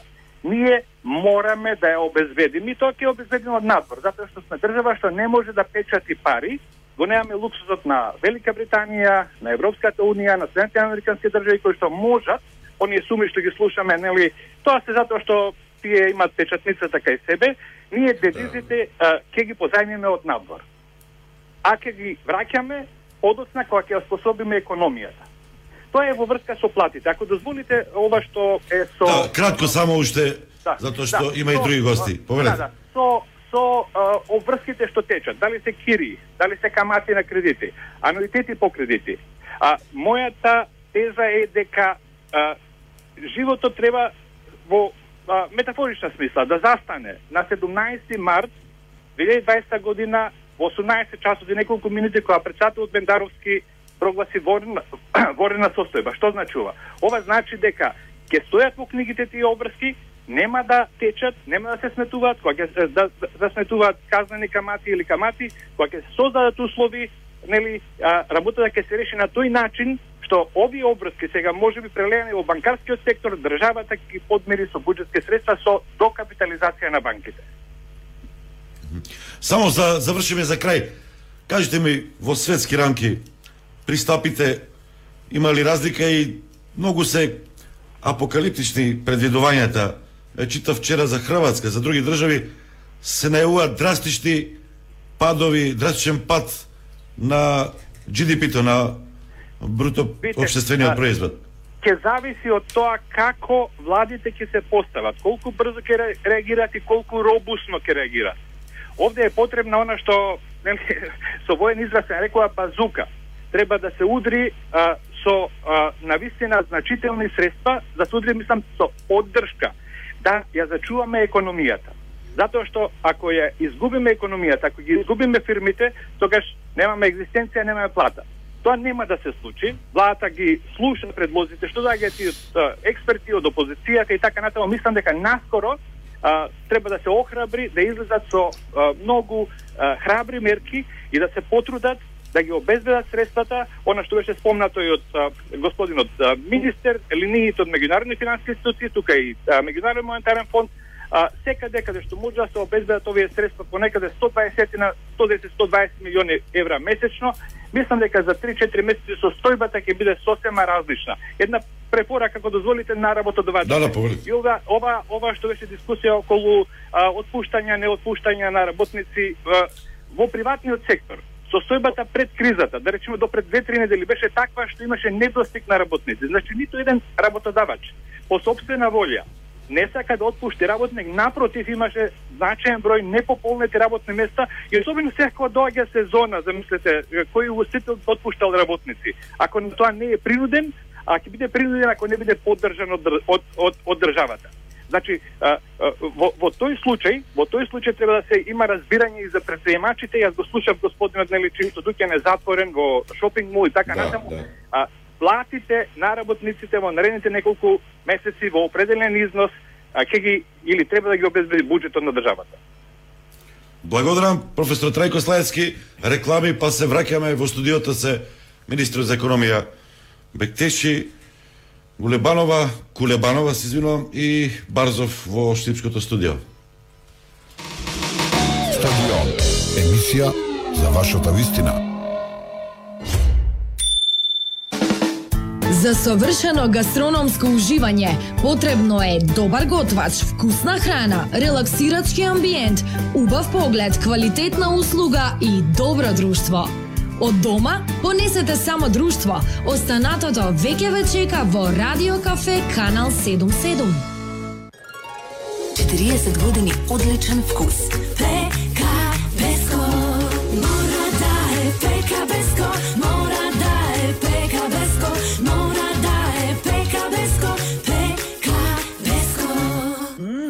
40 години Пека Беско. Забележа пречки, прекини и промени во квалитетот на сигналот на радиомрежа Канал 77. Извести на Вибер на 072 607 777 или на Facebook профилот на Радио Канал 77 за да најдеме решение. Бидејќи ништо не треба да ти пречи во дружбата со твоето милено радио. Македонски медиа сервис. Реални медиуми за реални луѓе. nms.mk Одиме понатаму. А, Весна, јас имам веќе едно прашање тука. Несто ли има многу прашања пред се главно до министерот на Сочин, има многу коментари А чекај да и запишуваме малку или вака. едно по едно Кажи да читам и да веднаш нека го одговори, затоа што така. немаме премногу и време. Ајде, ајде едно по Министре, едно ќе читам. одговарете. Вака, Ајде. работам како трговски работник, а веќе една недела сум ослободена од работа заради хронична болест. Како ќе ми биде исплатено одсуството од работа, ве молам да ми одговорите. Министре, повелете. По едно по Да, да, едно? одма, едно по едно, да. Едно по едно ќе читам. Океј. Значи, а, не е отпуштена од работа, така? Не, значи е, користи одсуство поради тоа што е хроничен болен.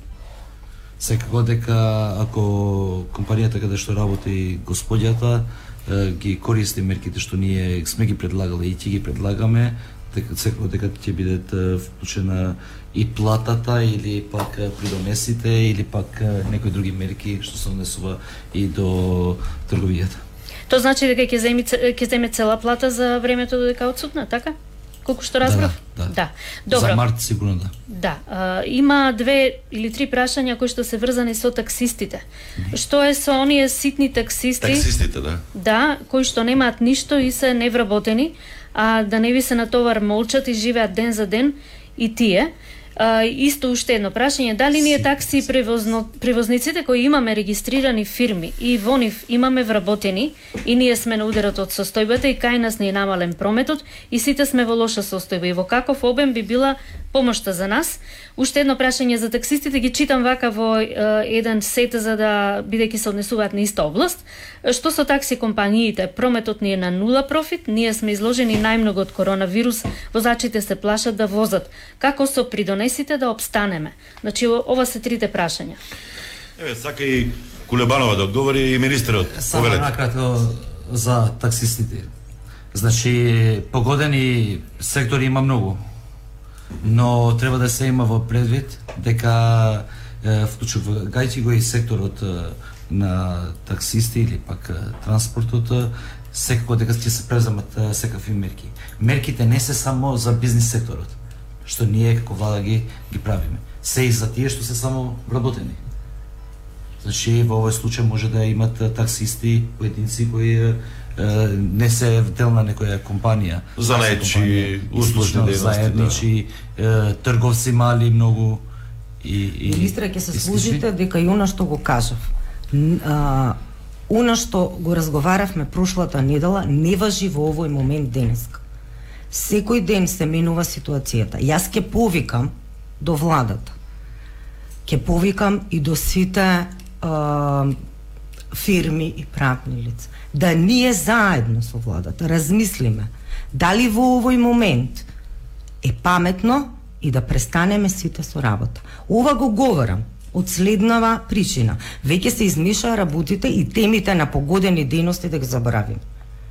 Затоа што и тој што функционира, не функционира.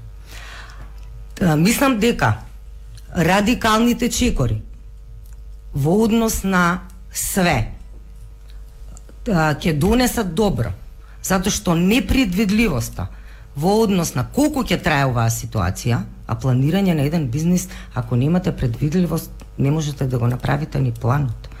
Меѓутоа, мора да се охрабриме сите. Доколку ова потрае подолго ради нашата намалена свест на одредени граѓани, непримената на мерките согласно препораките на владата, доколку сето тоа ни се одолжи. Ние не само економски, не само здравствени, секако ќе ги трпиме загубите на сите страни. Она што го преполага и Светската здравствена организација во овој момент, она што го а, предполага и го кажува и меѓународниот монетарен фонд. Решавањето на вирусот заедно со економијата одат заедно. Паралелно да. Паралелно Коментари. испреплетено затоа што е ново за сите и е глобално и светско. Ние само да се надоврзам. Да, да, се согласен. Само да кажам дека имаме уште прашања за министерот. А во меѓувреме да се прават мерките. Имајте во предвид дека има конкретни прашања, луѓето сака да знаат за себе си, затоа и ги Да, поставуваат конкретни овие прашања, да продолжиме затоа со- одговарам Да, да, на- да, на конкретни А, прашања. Весте, повели, а Весна. тоа не Да. значи дека Да. другите сектори Да, да. нема да Да. Весна, повели, Има има уште неколку прашања, а, прашање што ќе биде со кредитите за населението. Зошто прво најавија дека ќе се одложат на три месеци, па после не важи. Мислам дека и кажавме нешто на почеток, меѓутоа и министерот е тука. Што се однесува до кредитите, веќе има одлука од Советот на Народната банка, каде што ќе им овозможи на комерцијалните банки да ги реструктурират кредитите.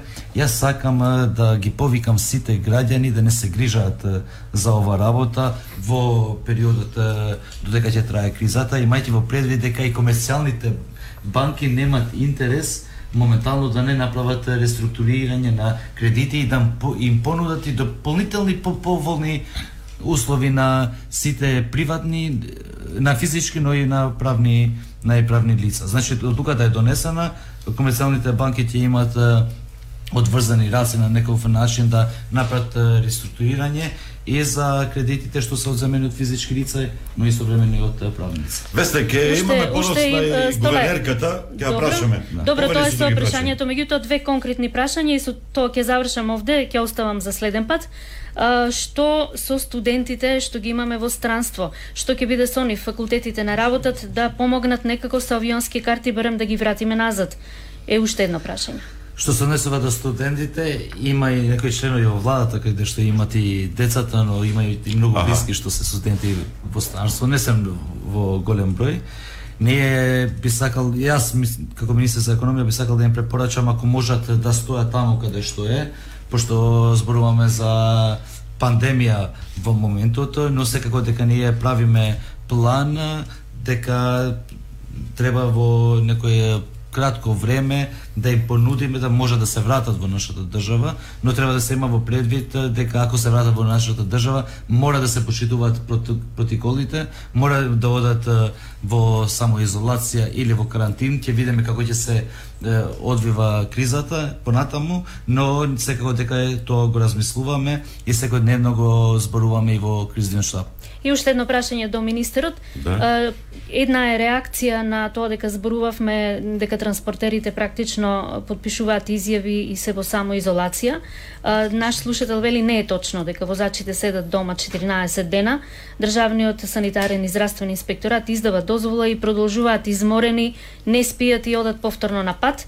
А наш слушател Не на Facebook дека се на самоизолација. Не, имаше реакција во текот на емисијата. А, И уште едно има, се уште возачите на товарни возила подпишуваат изјави за самоизолација. Што се случува со камионите кои треба во понеделник да се расцаринат, за кои не можеме да извадиме дозволи за возачите, а доаѓаат од средно ризични земји? Ова е конкретно прашање за случај. Баш ова се, раб- се зборите вчера во седница на владата и во кризниот штаб. Јас мислам дека до понеделник, вторник ова работа ќе е, заврши. Протоколите веќе се усвоени од страна на владата, ќе бидат доставени и до Државен санитарен инспекторат, но истовремено и изјавите и новите уредби како треба да се направи протокот на стоки, а посебно за возачите и тие да бидат безбедени, се готови и ќе почнат да се имплементираат значи најкасно во во вторник.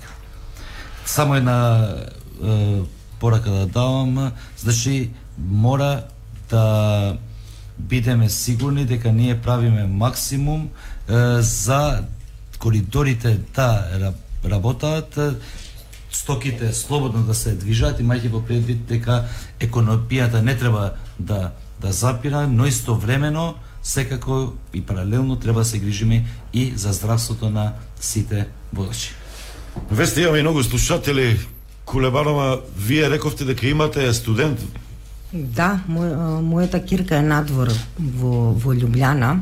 Вчера разговаравме и викаме дали е паметно да, да се вратиш или не. Незиниот одговор рече што и да се случи овдека јас едам дома, ги почитувам мерките, имаме предавања преку интернет, имаме вежби, е. колоквиуми, така да не гледам зошто би дошла таму сепак да седам во изолација и и би го правила истото само на на Да. компјутер. Имаме многу слушатели. Добар ден, повелете. Ало? Слушатели, слушатели. Ало, добар ден. Поздрав од Битола. А јас да ви опишам ситуацијата во Битола. Само Битола кратки бидете. Како? Да. Бидете пократки. Веро- Да, да, пократки. Битола ме најверојатно и секте во, во Македонија. Контра на паметот. Што значи тоа? Во времето кога Битола беше најзагадена по светски стандарди, сите беа на широкцо и сите пиеа кафе. Наместо да бидат на планина, кај што сум јас денес. И сега обратно. Наместо сите да се дома, еве ги сите на планина. Јас не памтам во живото во сабота толку толку многу луѓе, толку младеж да дошле овде неолица кај што сум јас или по околните ридови. Па за втори, па за втори мај на времето немаше немаше толку толку луѓе. Е сега зошто се луѓето вака комотни, зошто се излезени? Па цела цела проблем го направиле потаните од од СДСМ. Односно Филипче и Заев. Како? Со тоа што на, на народот му дадоа една лажна слика, дека е се под контрола, дека лош, лошите работи што се случуваат, се случуваат само на телевизија и дека ние ево тука, гледајќи го него намирисан, избричен, дотеран, без никакви подочњаци, а друго е да излези некој, некој што цела ноќ дежурал, дека ево ние се справуваме со ситуацијата и одлично, немојте да паничите. Па него излегва заед и ти вели дека па гледајте вели бе свето ни завидва како ние на лес начин се стравуваме со сето ова. И са народот нормално размислува вака. Дека што ми се во во Добро, што е твојата забелешка и твојот предлог? Требало порано да се направи, веднаш да има полициски час, Па да биде построго. Уште, уште кога она докторката од таа таа беше директорката, односно таа беше од некоја ВМРО-вка, м- не можам да замислиш ќе се случеше, оти ќе оде, а сите ќе му запалеа куќата.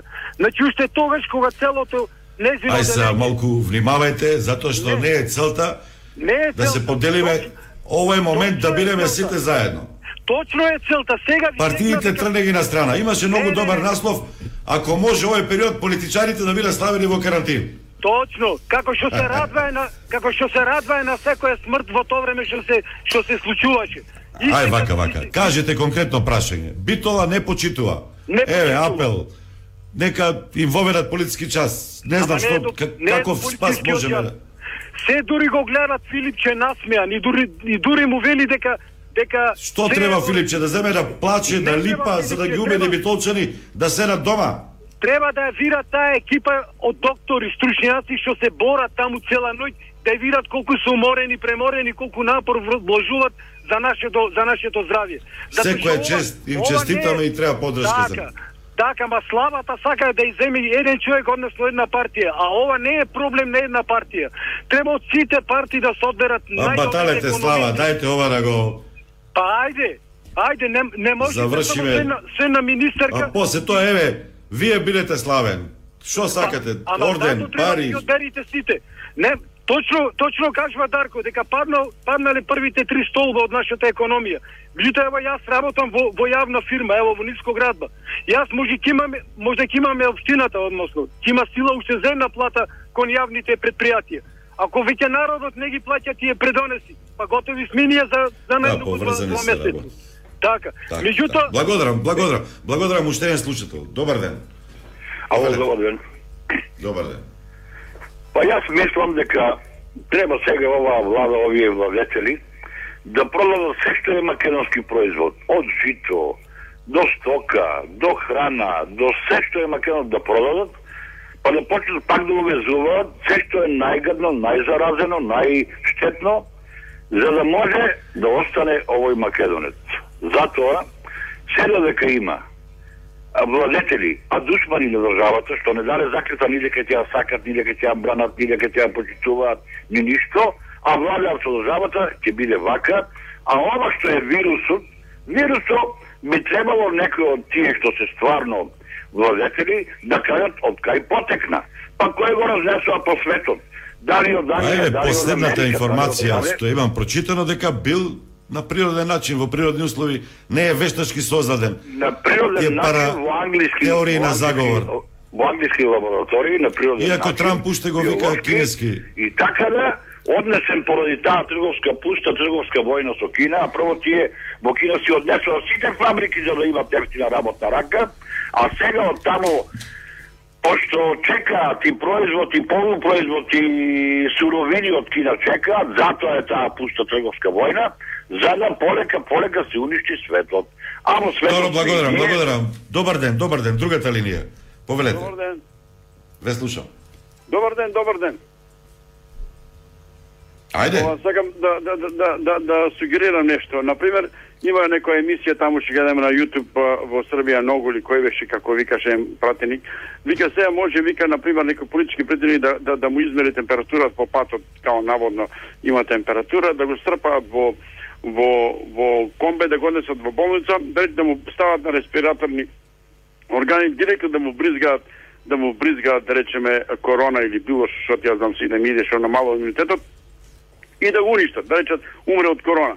Значи ова е еден вид а, а, како да ти сега- кажам пресметка со некои луѓе што што се наклеветини од Сорос, Кај ви се овие рандени теории на заговор сега? Ја не знам вака да размислувате. Чи ова некој намерно го прави зошто? Намерно за да се намали популацијата. Популацијата се намали. Да, да се, се оти демек па нели знаеш Рокчи Рокфера Сорос ваму целата име да се намали. Како тоа се јави баш во тој град кај што се експериментира со тие да речеме вируси. Тоа се заедничко америчко-кинески таму подкупени таму. Добро, благодарам за. Се- Реклами, па се враќаме во студиото министрот за економија Крешник Бектеши. Кулебанова е тука од Сојузот на Слопански комори Габриела и Наум Барзов во Штипското студио.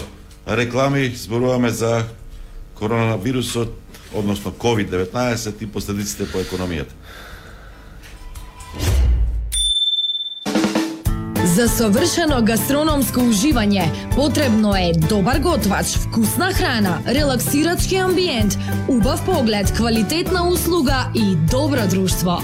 Од дома понесете само друштво. Останатото веќе ве чека во Радио Кафе Канал 77. Забележа пречки, прекини и промени во квалитетот на сигналот на радиомрежа Канал 77.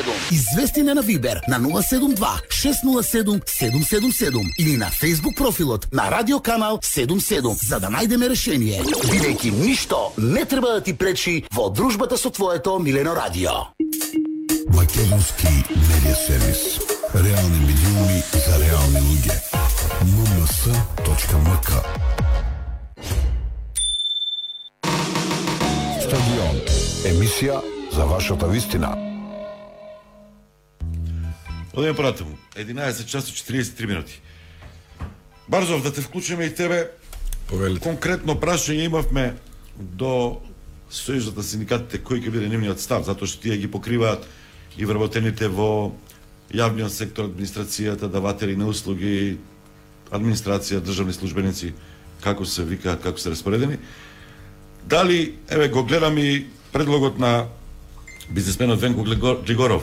Тој веќе прави пресметки некои математики, во просек околу 25% да се намалат платите во администрацијата, меѓутоа не на секој исто, има луѓе кои што администрацијата работат на теренот, јавните предпријатија, акционерските друштва, на пример ЕЛЕМ, МЕПСО, кои се други кои што мора да обезбедат електрична енергија.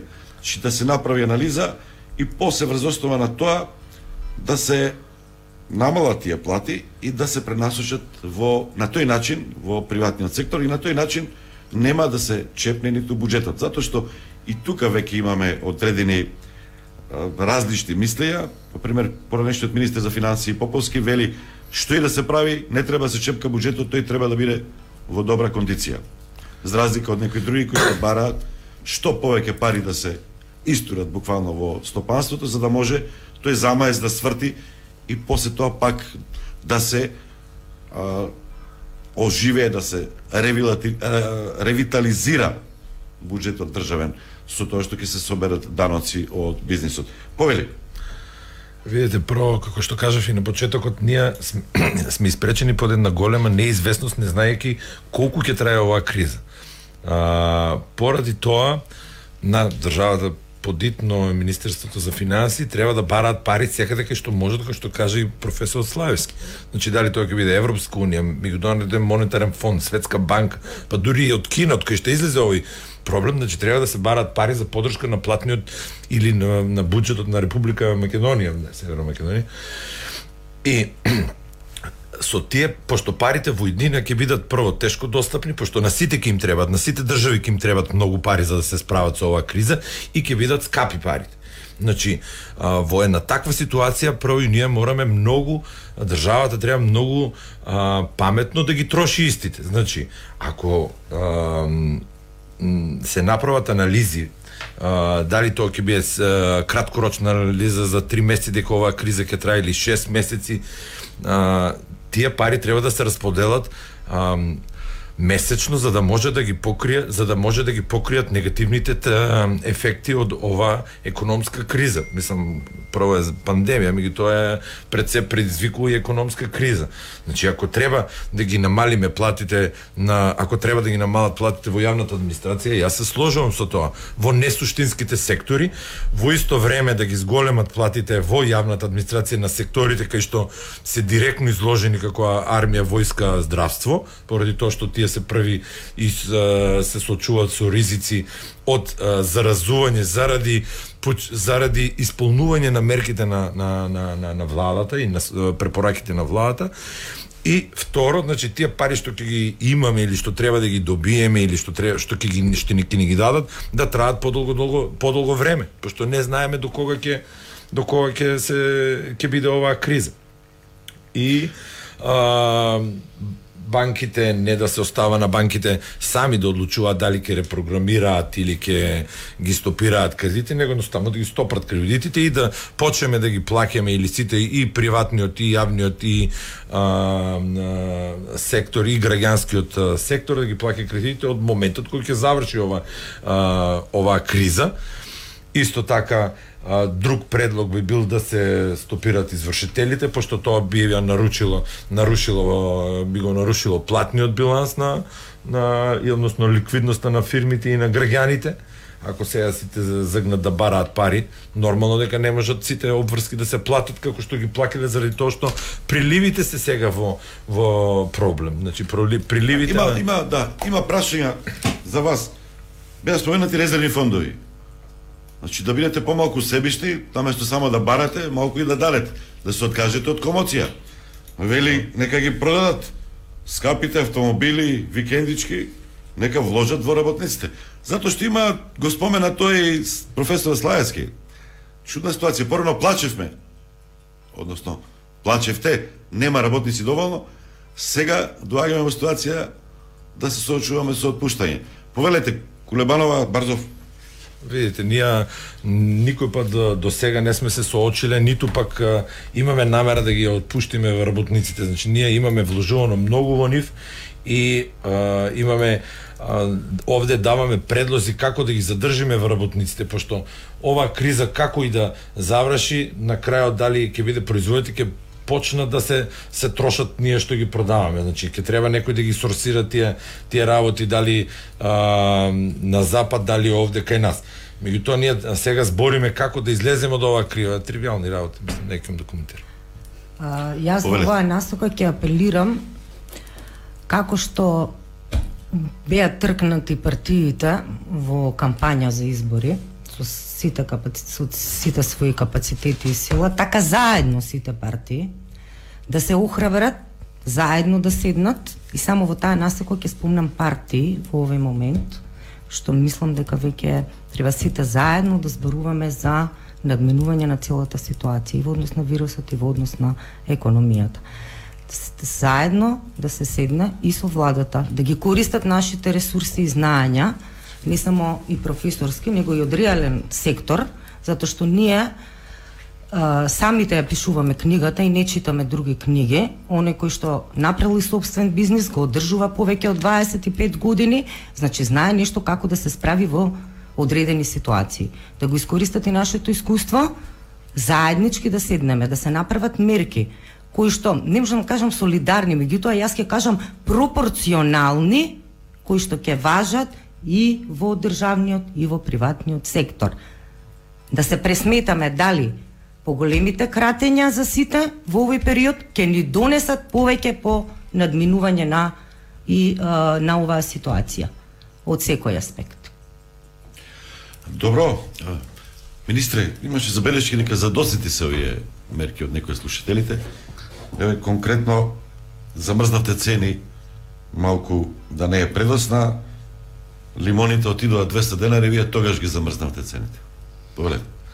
Значи, што се однесува до цените, јас мислам дека беше првата мерка што ја превземавме како влада, имајќи јас и претhodно кажав дека не бивме лимитирани на одлуките што можеме да ги донесеме пред да се прогласи вонредна. Да, поради тоа што бевте технички за економија и како влада генерално, што се однесува до лимоните, јас вчера веќе ја предложив мерката ја усвоивме во владата согласно законот за трговија повикувајќи се на одредени членови каде можеме да определиме и маржи, значи сите маржи на трговци во нашата држава, било тоа возници, било тоа трговци на, на мало или големо, што се однесува и до овие продукти како што е лимон, портокал и, и слично, треба нивните маржи да ги вратат од 1 јануари до 11 март што ги имале.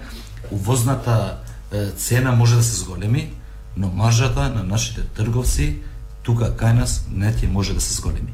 Јас би сакал да ги повикам сите трговци, посебно за овие продукти, дека ние ги следиме секојдневно. Јас сум добил неколку... Да, инспекторите имат ли Ја, јас лично сум добил неколку пореки од страна на наши граѓани, посебно за лимонот, за цените во маркети, фотографии. И, и слично.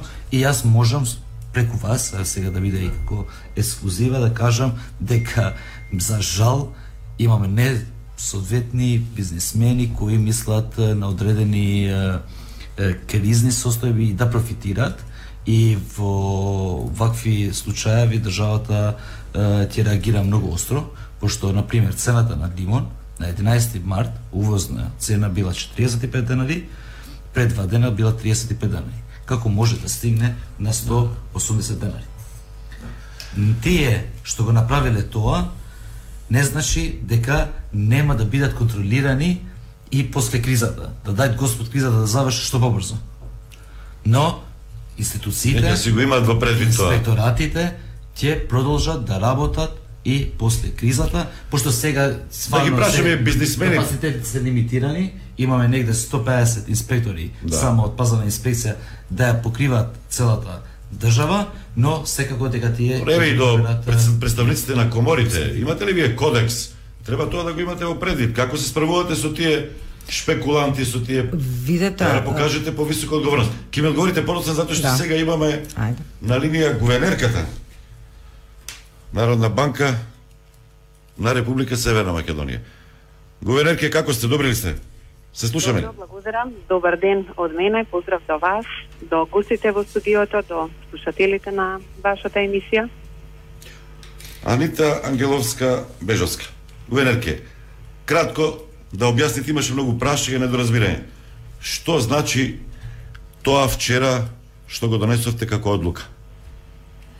Добро, благодарам на прашањето. Значи, на вчерашната седница на Советот на Народната банка беа донесени регулаторни измени кои што се насочени кон олеснување на финансискиот товар на граѓаните и на корпоративниот сектор. Тие се насочени кон оној сегмент од економијата кој што беше најмногу погоден, значи каде што ефектите се веќе видливи или пак можеби ќе бидат видливи во предстојниот период. Значи се работи за таргетирана а, мерка. А, оваа мерка се однесува за сите видови на кредитни производи, кои што ги користи и населението и корпоративниот сектор. Предпоставувам населението е повеќе заинтересирано за кредитните картички, минусните салда, значи апсолутно оваа мерка се однесува на сите видови на кредитни производи. А, всушност за која одлука се работи? Се работи за промена на одлуката за методологијата за управување со кредитен ризик од страна на банките и штедуниците и со измената на ова одлука се овозможи поголем регулаторен простор, значи регулаторните барања станаа пофлексибилни, се со цел банките да бидат стимулирани да има возможност на населението и на корпоративниот а, сектор по промена на постојните договорни услови. Што значи промена на постојните договорни услови? Тоа значи а, банката може да им даде а, поголем да го пролонгира периодот на отплата на кредитните обврски. Нема лимит во кој период, зависно од кредитоспособноста на самиот корисник. Меѓутоа, тука не застанува поволноста, понатаму може да биде и пониска каматна стапка да го пролонгира купниот рок на достасување на кредитот или пак да одобри по-поволен кредит со кој што ќе го замени постојниот кредит. Значи, самата одлука предвидува бројни поволности кои што банките сега се мотивирани со измените кои што ги направивме да им ги понудат на компаниите и на на населението. Целта на овој пристап е значи навремена брза реакција, на време на промена на договорните услови за да компаниите не ни стигнат во нефункционален статус, ние кога зборуваме нефункционален статус, велиме дека тоа е кредит кој што се сервисира со големо временско задоцнување, односно со задоцнување повеќе од 90 дена. Целта ни е таму и да не стигнат. Но, паралелно со тоа, направи се промена и кај дефиницијата што е тоа нефункционален кредит, значи ако до сега а, нефункционален или ајде условно да кажам нередовен кредит, а, а, беше секој кредит кој што се отплаќа со задоцнување подолго од 91 ден, сега тоа тој рок е поместен на 150 денови. Значи, самата одлука нуди бројни а, поволности. Очекуваме а, самите банки активно да пристапат да ја користат оваа одлука, бидејќи впрочем Ваквото постапување е од интерес и на самите банки, зашто нивна цел е да помогнат привремено, бидејќи јасно е, сите се соочуваме со големи предизвици во овој период, да можат компаниите овој шок да го пребродат, да можат да обстанат на среден и долг рок и за да имаат капацитет со кој што ќе можат да. понатаму да ги сервисираат и враќаат. само кратко, Кредитните, кредитните картички спаѓаат тука? Да, да, дефинитивно.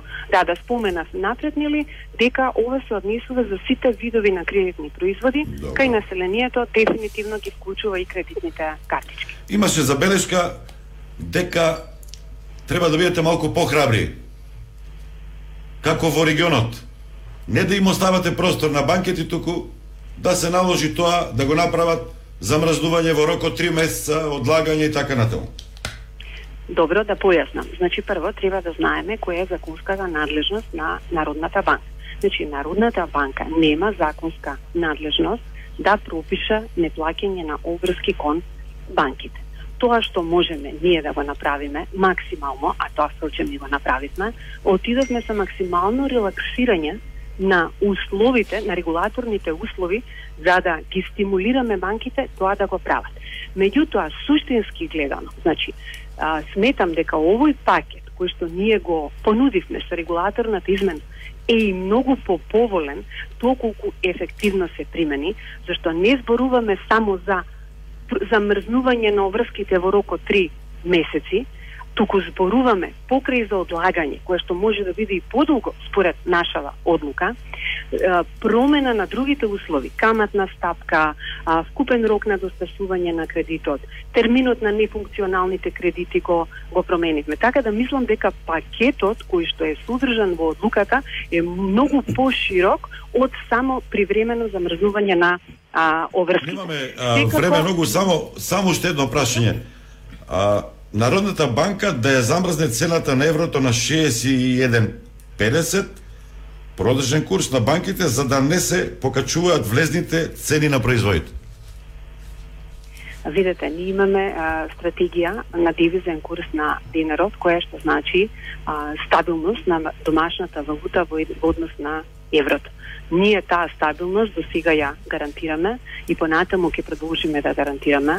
Флуктуациите кои што сега се гледаат кај средниот курс се навистина минимални, бидејќи ние сме тука како централна банка со ова адекватно ниво на девизни резерви кое што го имаме да одговориме во секој момент доколку е потребно за да се задржи стабилноста на курсот на денарот во однос на еврото.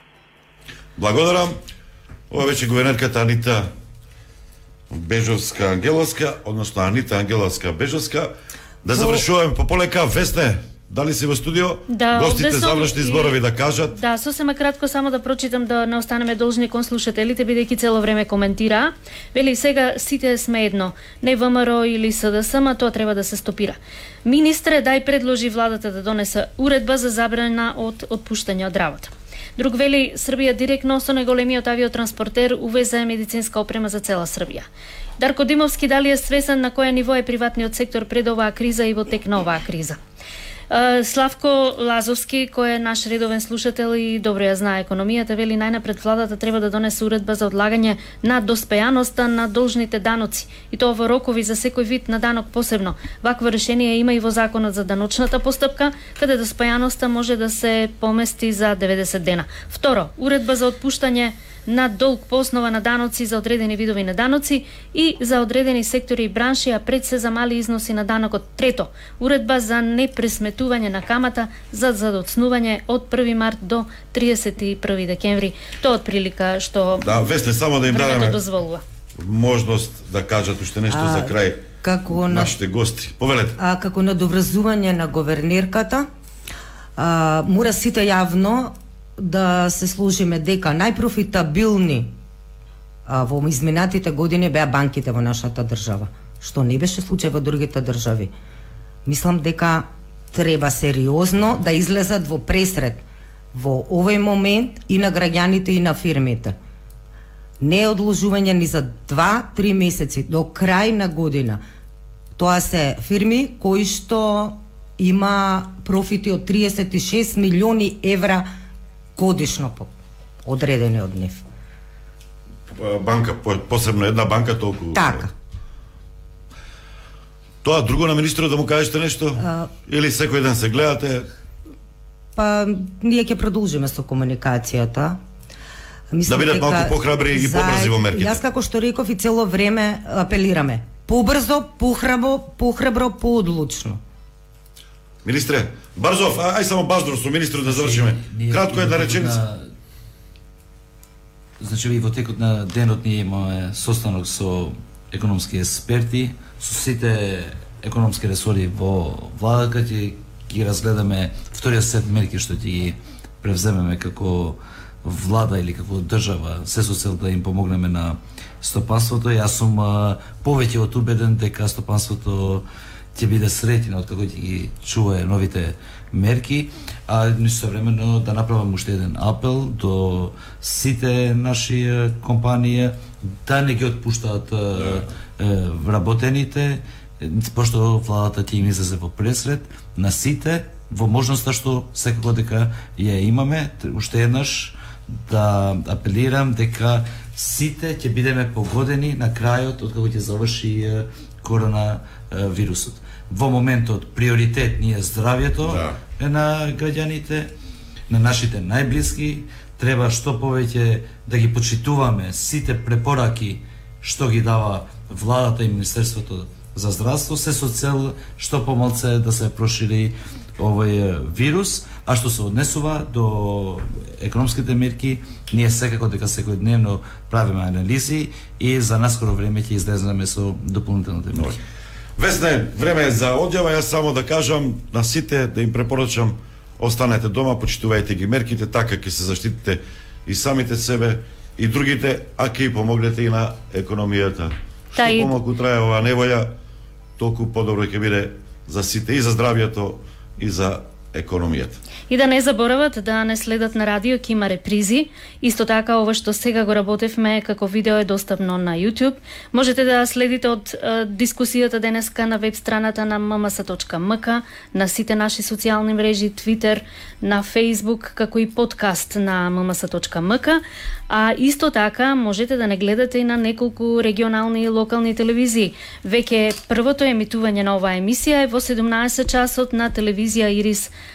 во Штип. И да не останеме должни уште за информациите што денеска последни дојдоа, Министерството за здравство одлучи да има само еднаш дневно пресконференција, првата е веќе во 12 часот, додека министерот Никола Димитров најави дека до утре до 18 часот сите граѓани како оној што го вклучивме на почетокот од емисијата, кои сакаат да се вратат во земјава, треба да се пријават во МНР. Ние повторно ќе ги објавиме телефоните и контактите за тоа каде може да се пријават на нашиот сајт сајт, како и на Facebook страниците, меѓутоа ги има и на МНР. Во секој случај ќе бидеме во функција на граѓаните и актуелната криза со коронавирусот. Ви благодариме на